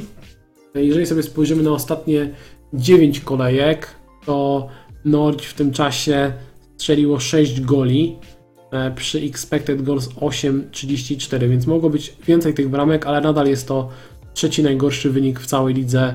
E, Gorsze tylko jest Newcastle i Burnley. Więc, no ale z drugiej strony tak, w takim Newcastle Wilson punktuje dobrze, więc równie dobrze w Norwich może dobrze punktować Pukki. Bo jest e, no, największym zagrożeniem z całej drużyny. Nie da się, nie da się ukryć. Jeżeli sobie spojrzymy na ostatnie 6 spotkań, to Pukki w tym czasie oddał 15 strzałów, 3 bramki przy expected goals 2,18, 3 kluczowe podania i bez asysty przy expected assist 0,59, więc jest całkiem ok. Całkiem ok, jeżeli chodzi o te statystyki Pukkiego. To nie jest zły wybór, natomiast no ja nie mam już takiego zaufania do Norwich, żeby, mm, żeby brać tego Pukkiego i kalendarz jest też taki, taki sobie. I jeszcze jest Emmanuel Denis, który kosztuje 5,7 miliona. E, Jest o 0,1 tańszy, jeżeli dobrze kojarzę, od e, Joshua Kinga na ten moment. I jest jednym z najlepiej punktujących zawodników w całej grze na ten moment, bo ma już 6 goli i 6 asyst w tym sezonie. To jest e, rewelacyjnym wynikiem jak na gościa w tej cenie. E, Kalendarz Brentford, Burnley, Crystal Palace, Wolverha- Wolverhampton, West Ham, Tottenham jest całkiem dobry. Więc tak jak w przypadku Kinga wspominałem, że odkąd przyszedł e, Claudio Ranieri, trener, którego wszyscy znamy, doskonale pamiętamy i nikt nigdy nie zapomniał jego nazwiska. Odkąd przyszedł Ranieri, to e, Watford gra ofensywną piłkę i ten Denis jest naprawdę e, dobrą opcją. Natomiast moim zdaniem lepszą jest King. Teraz Wam wytłumaczę e, dlaczego. E, Dlaczego mam takie zdanie, bo niekoniecznie musi się okazać, że będzie lepszą opcją. Emmanuel Denis ma w tym sezonie expected goals plus expected assist per 90 0,43. Dobrze, jak na zawodnika w tej cenie, ale są lepsi zawodnicy. Czyli 6 bramek przy expected goals 2,94. 5 asyst przy expected assist 2,24. Więc ten łączny overperformance jest mega duży. E, Przeglądałem statystyki Denisa, to nigdy nie zaliczył sezonu, w którym strzelił więcej niż 7 bramek, a grał na przykład w lidze belgijskiej. Mimo wszystko myślę, że Premier League jest lepsza od ligi belgijskiej. Denis jest dosyć młody, więc oczywiście on się rozwija. Może się okazać, że on wyrośnie na superklasowego zawodnika, bo szczerze na boisku wygląda naprawdę dobrze. Natomiast punktuje trochę lepiej niż na to wskazywałyby statystyki i trochę to jest w cudzysłowie wzięte. Ostatnie 6 spotkań Denisa to jest e, jedno, z wejście, jedno wejście z ławki, 5 spotkań w wyjściowej 11, 13 strzałów i 4 bramki przy expected goals 1,36, 10 kluczowych podań i 4 asysty przy expected assist 1,91. Jest to naprawdę dużo, dużo więcej niż wskazują na to statystyki. Gdyby to był nowy Leo Messi, to może w jakimś stopniu dałoby się to utrzymać. Ale myślę, że Emmanuel Denis to nie będzie nowy Leo Messi. E, aczkolwiek pojedzie na Puchar Narodów Afryki, prawdopodobnie, więc możliwe, że już e, w kolejce 20 nie będzie dostępny. To sprawia, że Denis pewnie zagra tylko najbliższe 4 mecze. Więc jeżeli to sobie wszystko dodamy do kupy em, i sobie zestawimy statystyki tego sezonu Denisa i Kinga, który kosztuje tylko 0,1 więcej. Jeżeli chodzi o gole na 90 minut, ma bardzo podobne statystyki, natomiast ma dużo wyższe expected goals, oddaje podobną liczbę strzałów. Jeżeli chodzi o kluczowe podania, tutaj też King przeważa. Pod względem expected assist per 90 jest podobnie. I to, w czym Denis znacząco prze- przewyższa Kinga, to liczba asyst, które natłukł przez, na, średnio na 90 minut. Więc to wynikało raczej z tego, że no to yy, koledzy dru- z drużyny byli bardziej skuteczni niż wskazuje na, ten, na to model expected goals i, i z tego wynika to duże nagromadzenie e, asyst na 90 minut Denisa. Do tego należy dodać, że King ma rzuty karne pod nieobecność Sara i możliwe, że nawet gdy Sar wróci, to King te karne i tak utrzymał, bo ostatnio strzelił, a wcześniejsze jedenastki w wykonaniu Sara były słabe. No i myślę, że jakby warto dopłacić te 0,1 do Kinga, który ma lepsze statystyki, gra na pozycji numer 9, o czym warto dodać, a Denis gra z boku ataku. E, Tak samo jak z boku ataku gra e, e, Hernandez, tak się chyba nazywa ten napastnik, a na dziesiątce gra João Pedro. King jest środkowym napastnikiem. Nawet w momencie, gdy Ranieri wystawił czterech napastników, to King grał tą dziewiątkę, nie na żadnej innej pozycji. No nie jedzie King na Puchar Narodów Afryki, ma karne, no naprawdę myślę, że warto do tego Kinga mm, dopłacić. To tyle, jeżeli chodzi o napastników, których chciałem przeanalizować. Możecie zadawać pytania nie tylko dotyczące napastników, ale generalnie, jeżeli o cokolwiek chcecie zapytać, to napiszcie, a ja tylko w międzyczasie jeszcze przeczytam, jakie są szanse na bramkę w najbliższej kolejce. Zdaniem Bookmachera Betfan największe szanse ma Salah, aż 63%, Lukaku 56, Ronaldo 55, Wardy 50, Jota 50. Są zawodnicy z największą szansą na, na gola w najbliższej kolejce. I jeszcze po jednym zdaniu na temat każdego z najczęściej kupowanych i najczęściej sprzedawanych zawodników przed tą kolejką. Wśród najczęściej kupowanych Bernardo, bardzo rozsądny ruch Bernardo jest dobrą opcją, nie wiem czy najlepszą, ale dobrą. Denis i tutaj, no, No ja osobiście wolałbym Kinga, więc e, trochę mnie dziwi, że aż tyle osób wybiera Denisa, zwłaszcza, że ta cena już jest niemal identyczna. Ronaldo, tutaj mnie też nie dziwi to w żadnym stopniu, bo myślę, że to jest najlepsza opcja premium box Salaha. Mason Mount, dobre statystyki, dobre liczby, jeżeli będzie grał regularnie, to będzie dobrą opcją, więc to jest dobry ruch. E, No i Bowen, myślę, że najlepsza opcja do 6,5 w grze na ten moment, więc te ruchy mnie nie dziwią.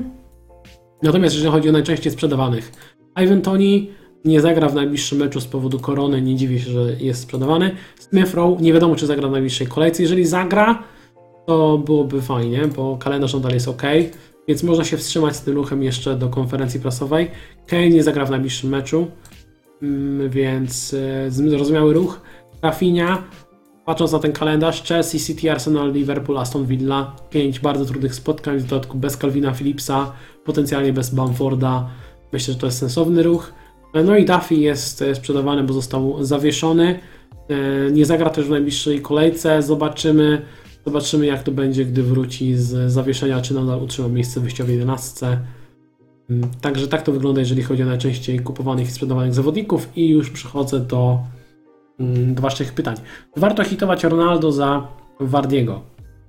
Myślę, że to może się opłacić. No, myślę, że to może się opłacić, ale hit to jest zawsze ryzyko. Hit to jest zawsze duże ryzyko.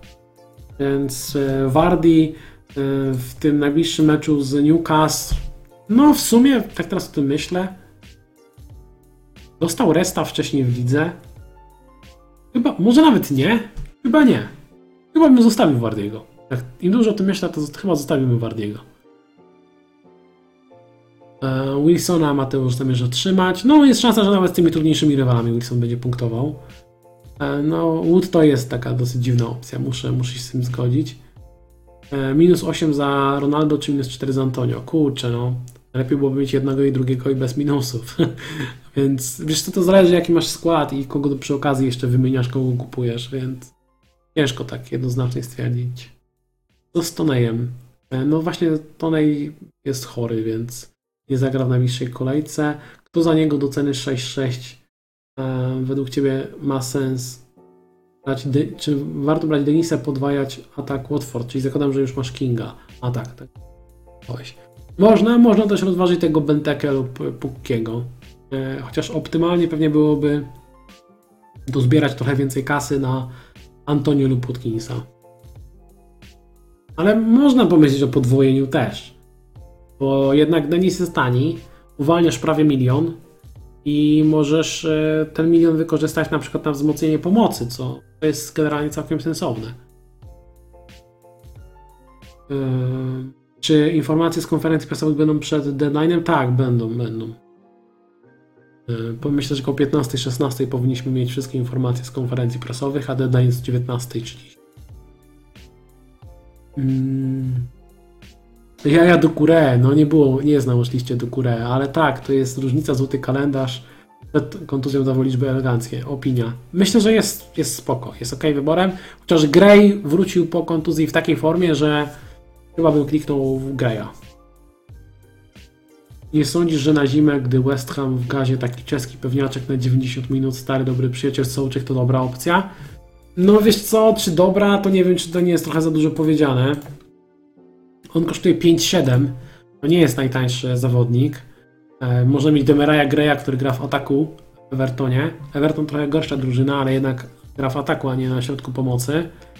E, No i kolejna sprawa jest taka, że pewnie lepiej mieć Antonio i Bowena zamiast Sołczka, a potrajanie ataku to jest grube przegięcie. Mam już zrobione minus 4 i Sancheza i Sona w składzie. Czy warto ryzykować ewentualnie minus 12? O kurczę, by sprawić De i Bernardo Silva. No, wiesz to nie klikałbym Agnieszka minus 4 za bramkarza raczej, ale za Sona, Bernardo Silva prędzej. Myślę, że to się może opłacić. Zwłaszcza jeżeli się okaże, że Son opuści więcej niż jeden mecz, a jest takie ryzyko moim zdaniem całkiem realne. Wiadomo, czy wiadomo co z Fodenem? Nie, czekamy na konferencję prasową.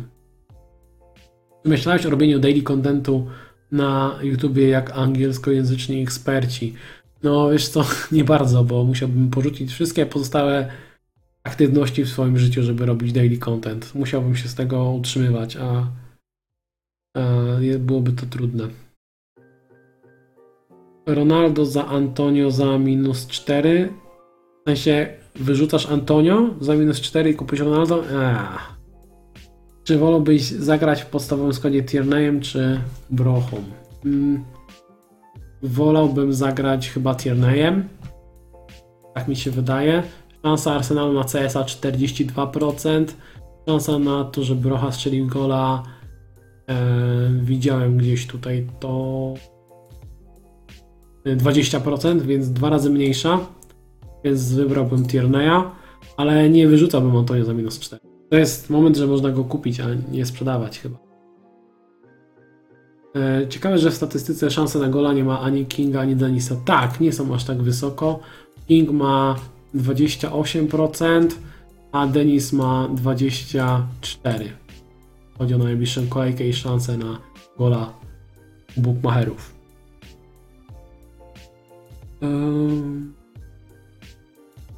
Na bramce Sanchez i Foster. Chyba bez sensu robić na siłę transfer bramkarza, co? Ach, no wiesz co, na pewno nie za minusy. A jeżeli masz darmowy transfer wolny, to rozważyłbym ten ruch i kupił Bachmana za Fostera.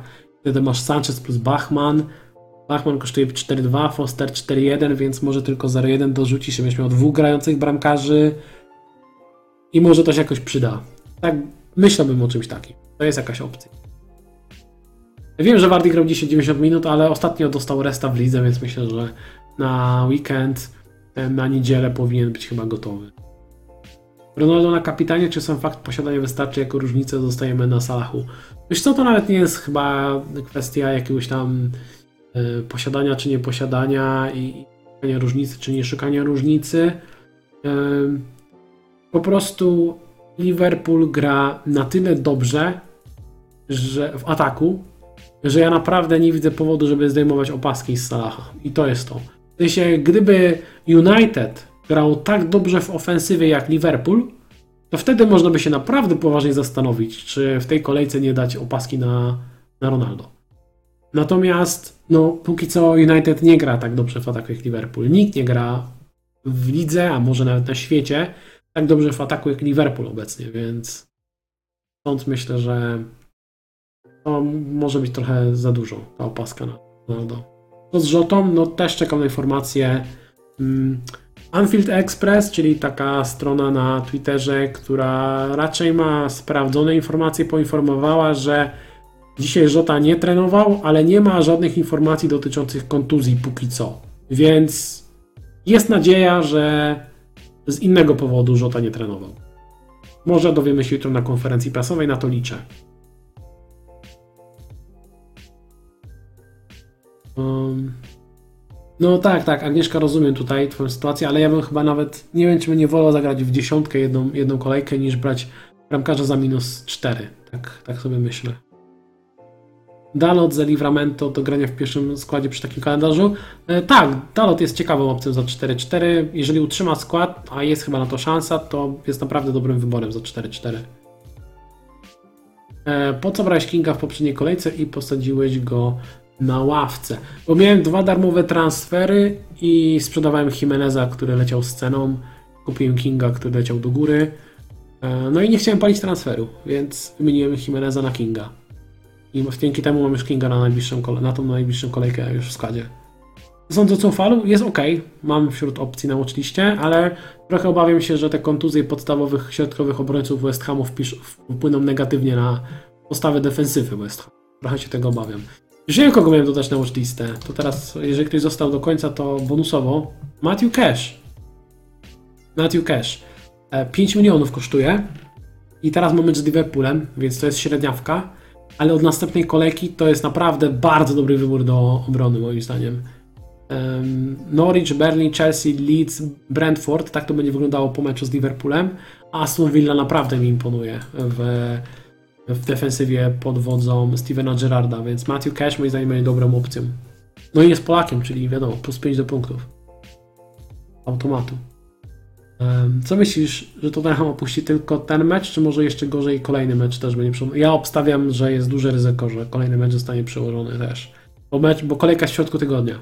Więc em, skoro na dziś jest ciężko z kadrą i już odwołują mecz na niedzielę, to chyba szansa, że zagrają w. y, Jest, jest mecz. Czwartek też jest dosyć mała. No jest tydzień do następnego meczu. Więc ryzyko jest duże. I jest jeszcze ryzyko na przykład, że nie dowiemy się przed deadline'em. Może się okazać, że na przykład informacja się pojawi w środę, że w czwartek Tottenham nie gra.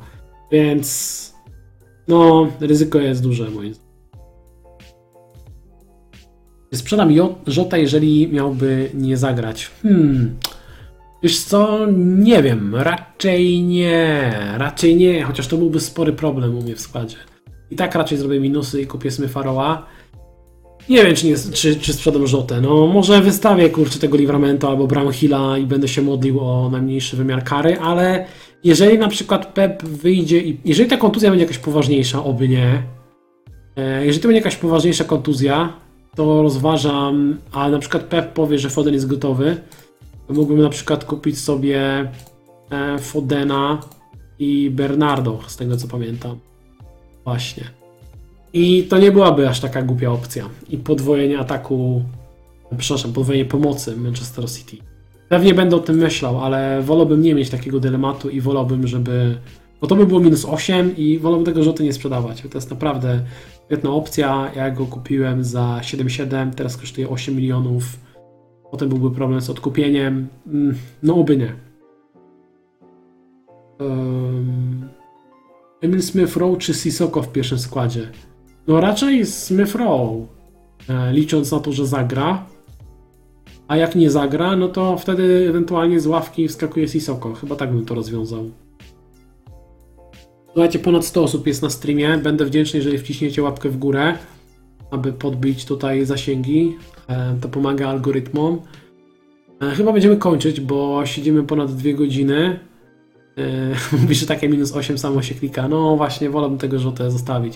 I tak, ty co jeszcze żadnego hita nie zrobiłem. Już sam fakt, że szykuje mi się minus 4 jest dla mnie średni, więc nie uśmiecha mi się to za bardzo, ale też z drugiej strony to chyba najlepszy wybór. Najlepsza opcja. E, ale też nie, no nie, nie mam przekonania co do tego Bernardo, nie wiem czemu. Przez te statystyki. E, Jak widzę takie grafy jak tutaj i widzę te statystyki Bernardo, jak wyglądają na tle pozostałych opcji City, to no nie jest to najbardziej przekonujące.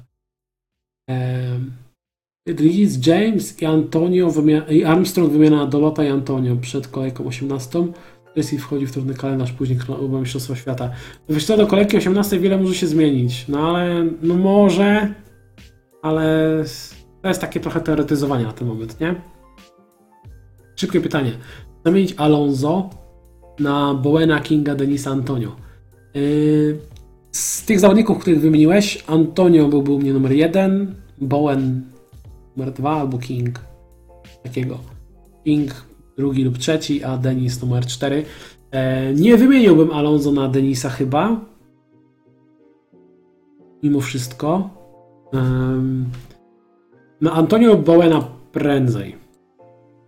Bo pomoc Chelsea wygląda średnio i przez to ta defensywa punktuje średnio. Tam brakuje Jorginho, Kowacicia, Kante.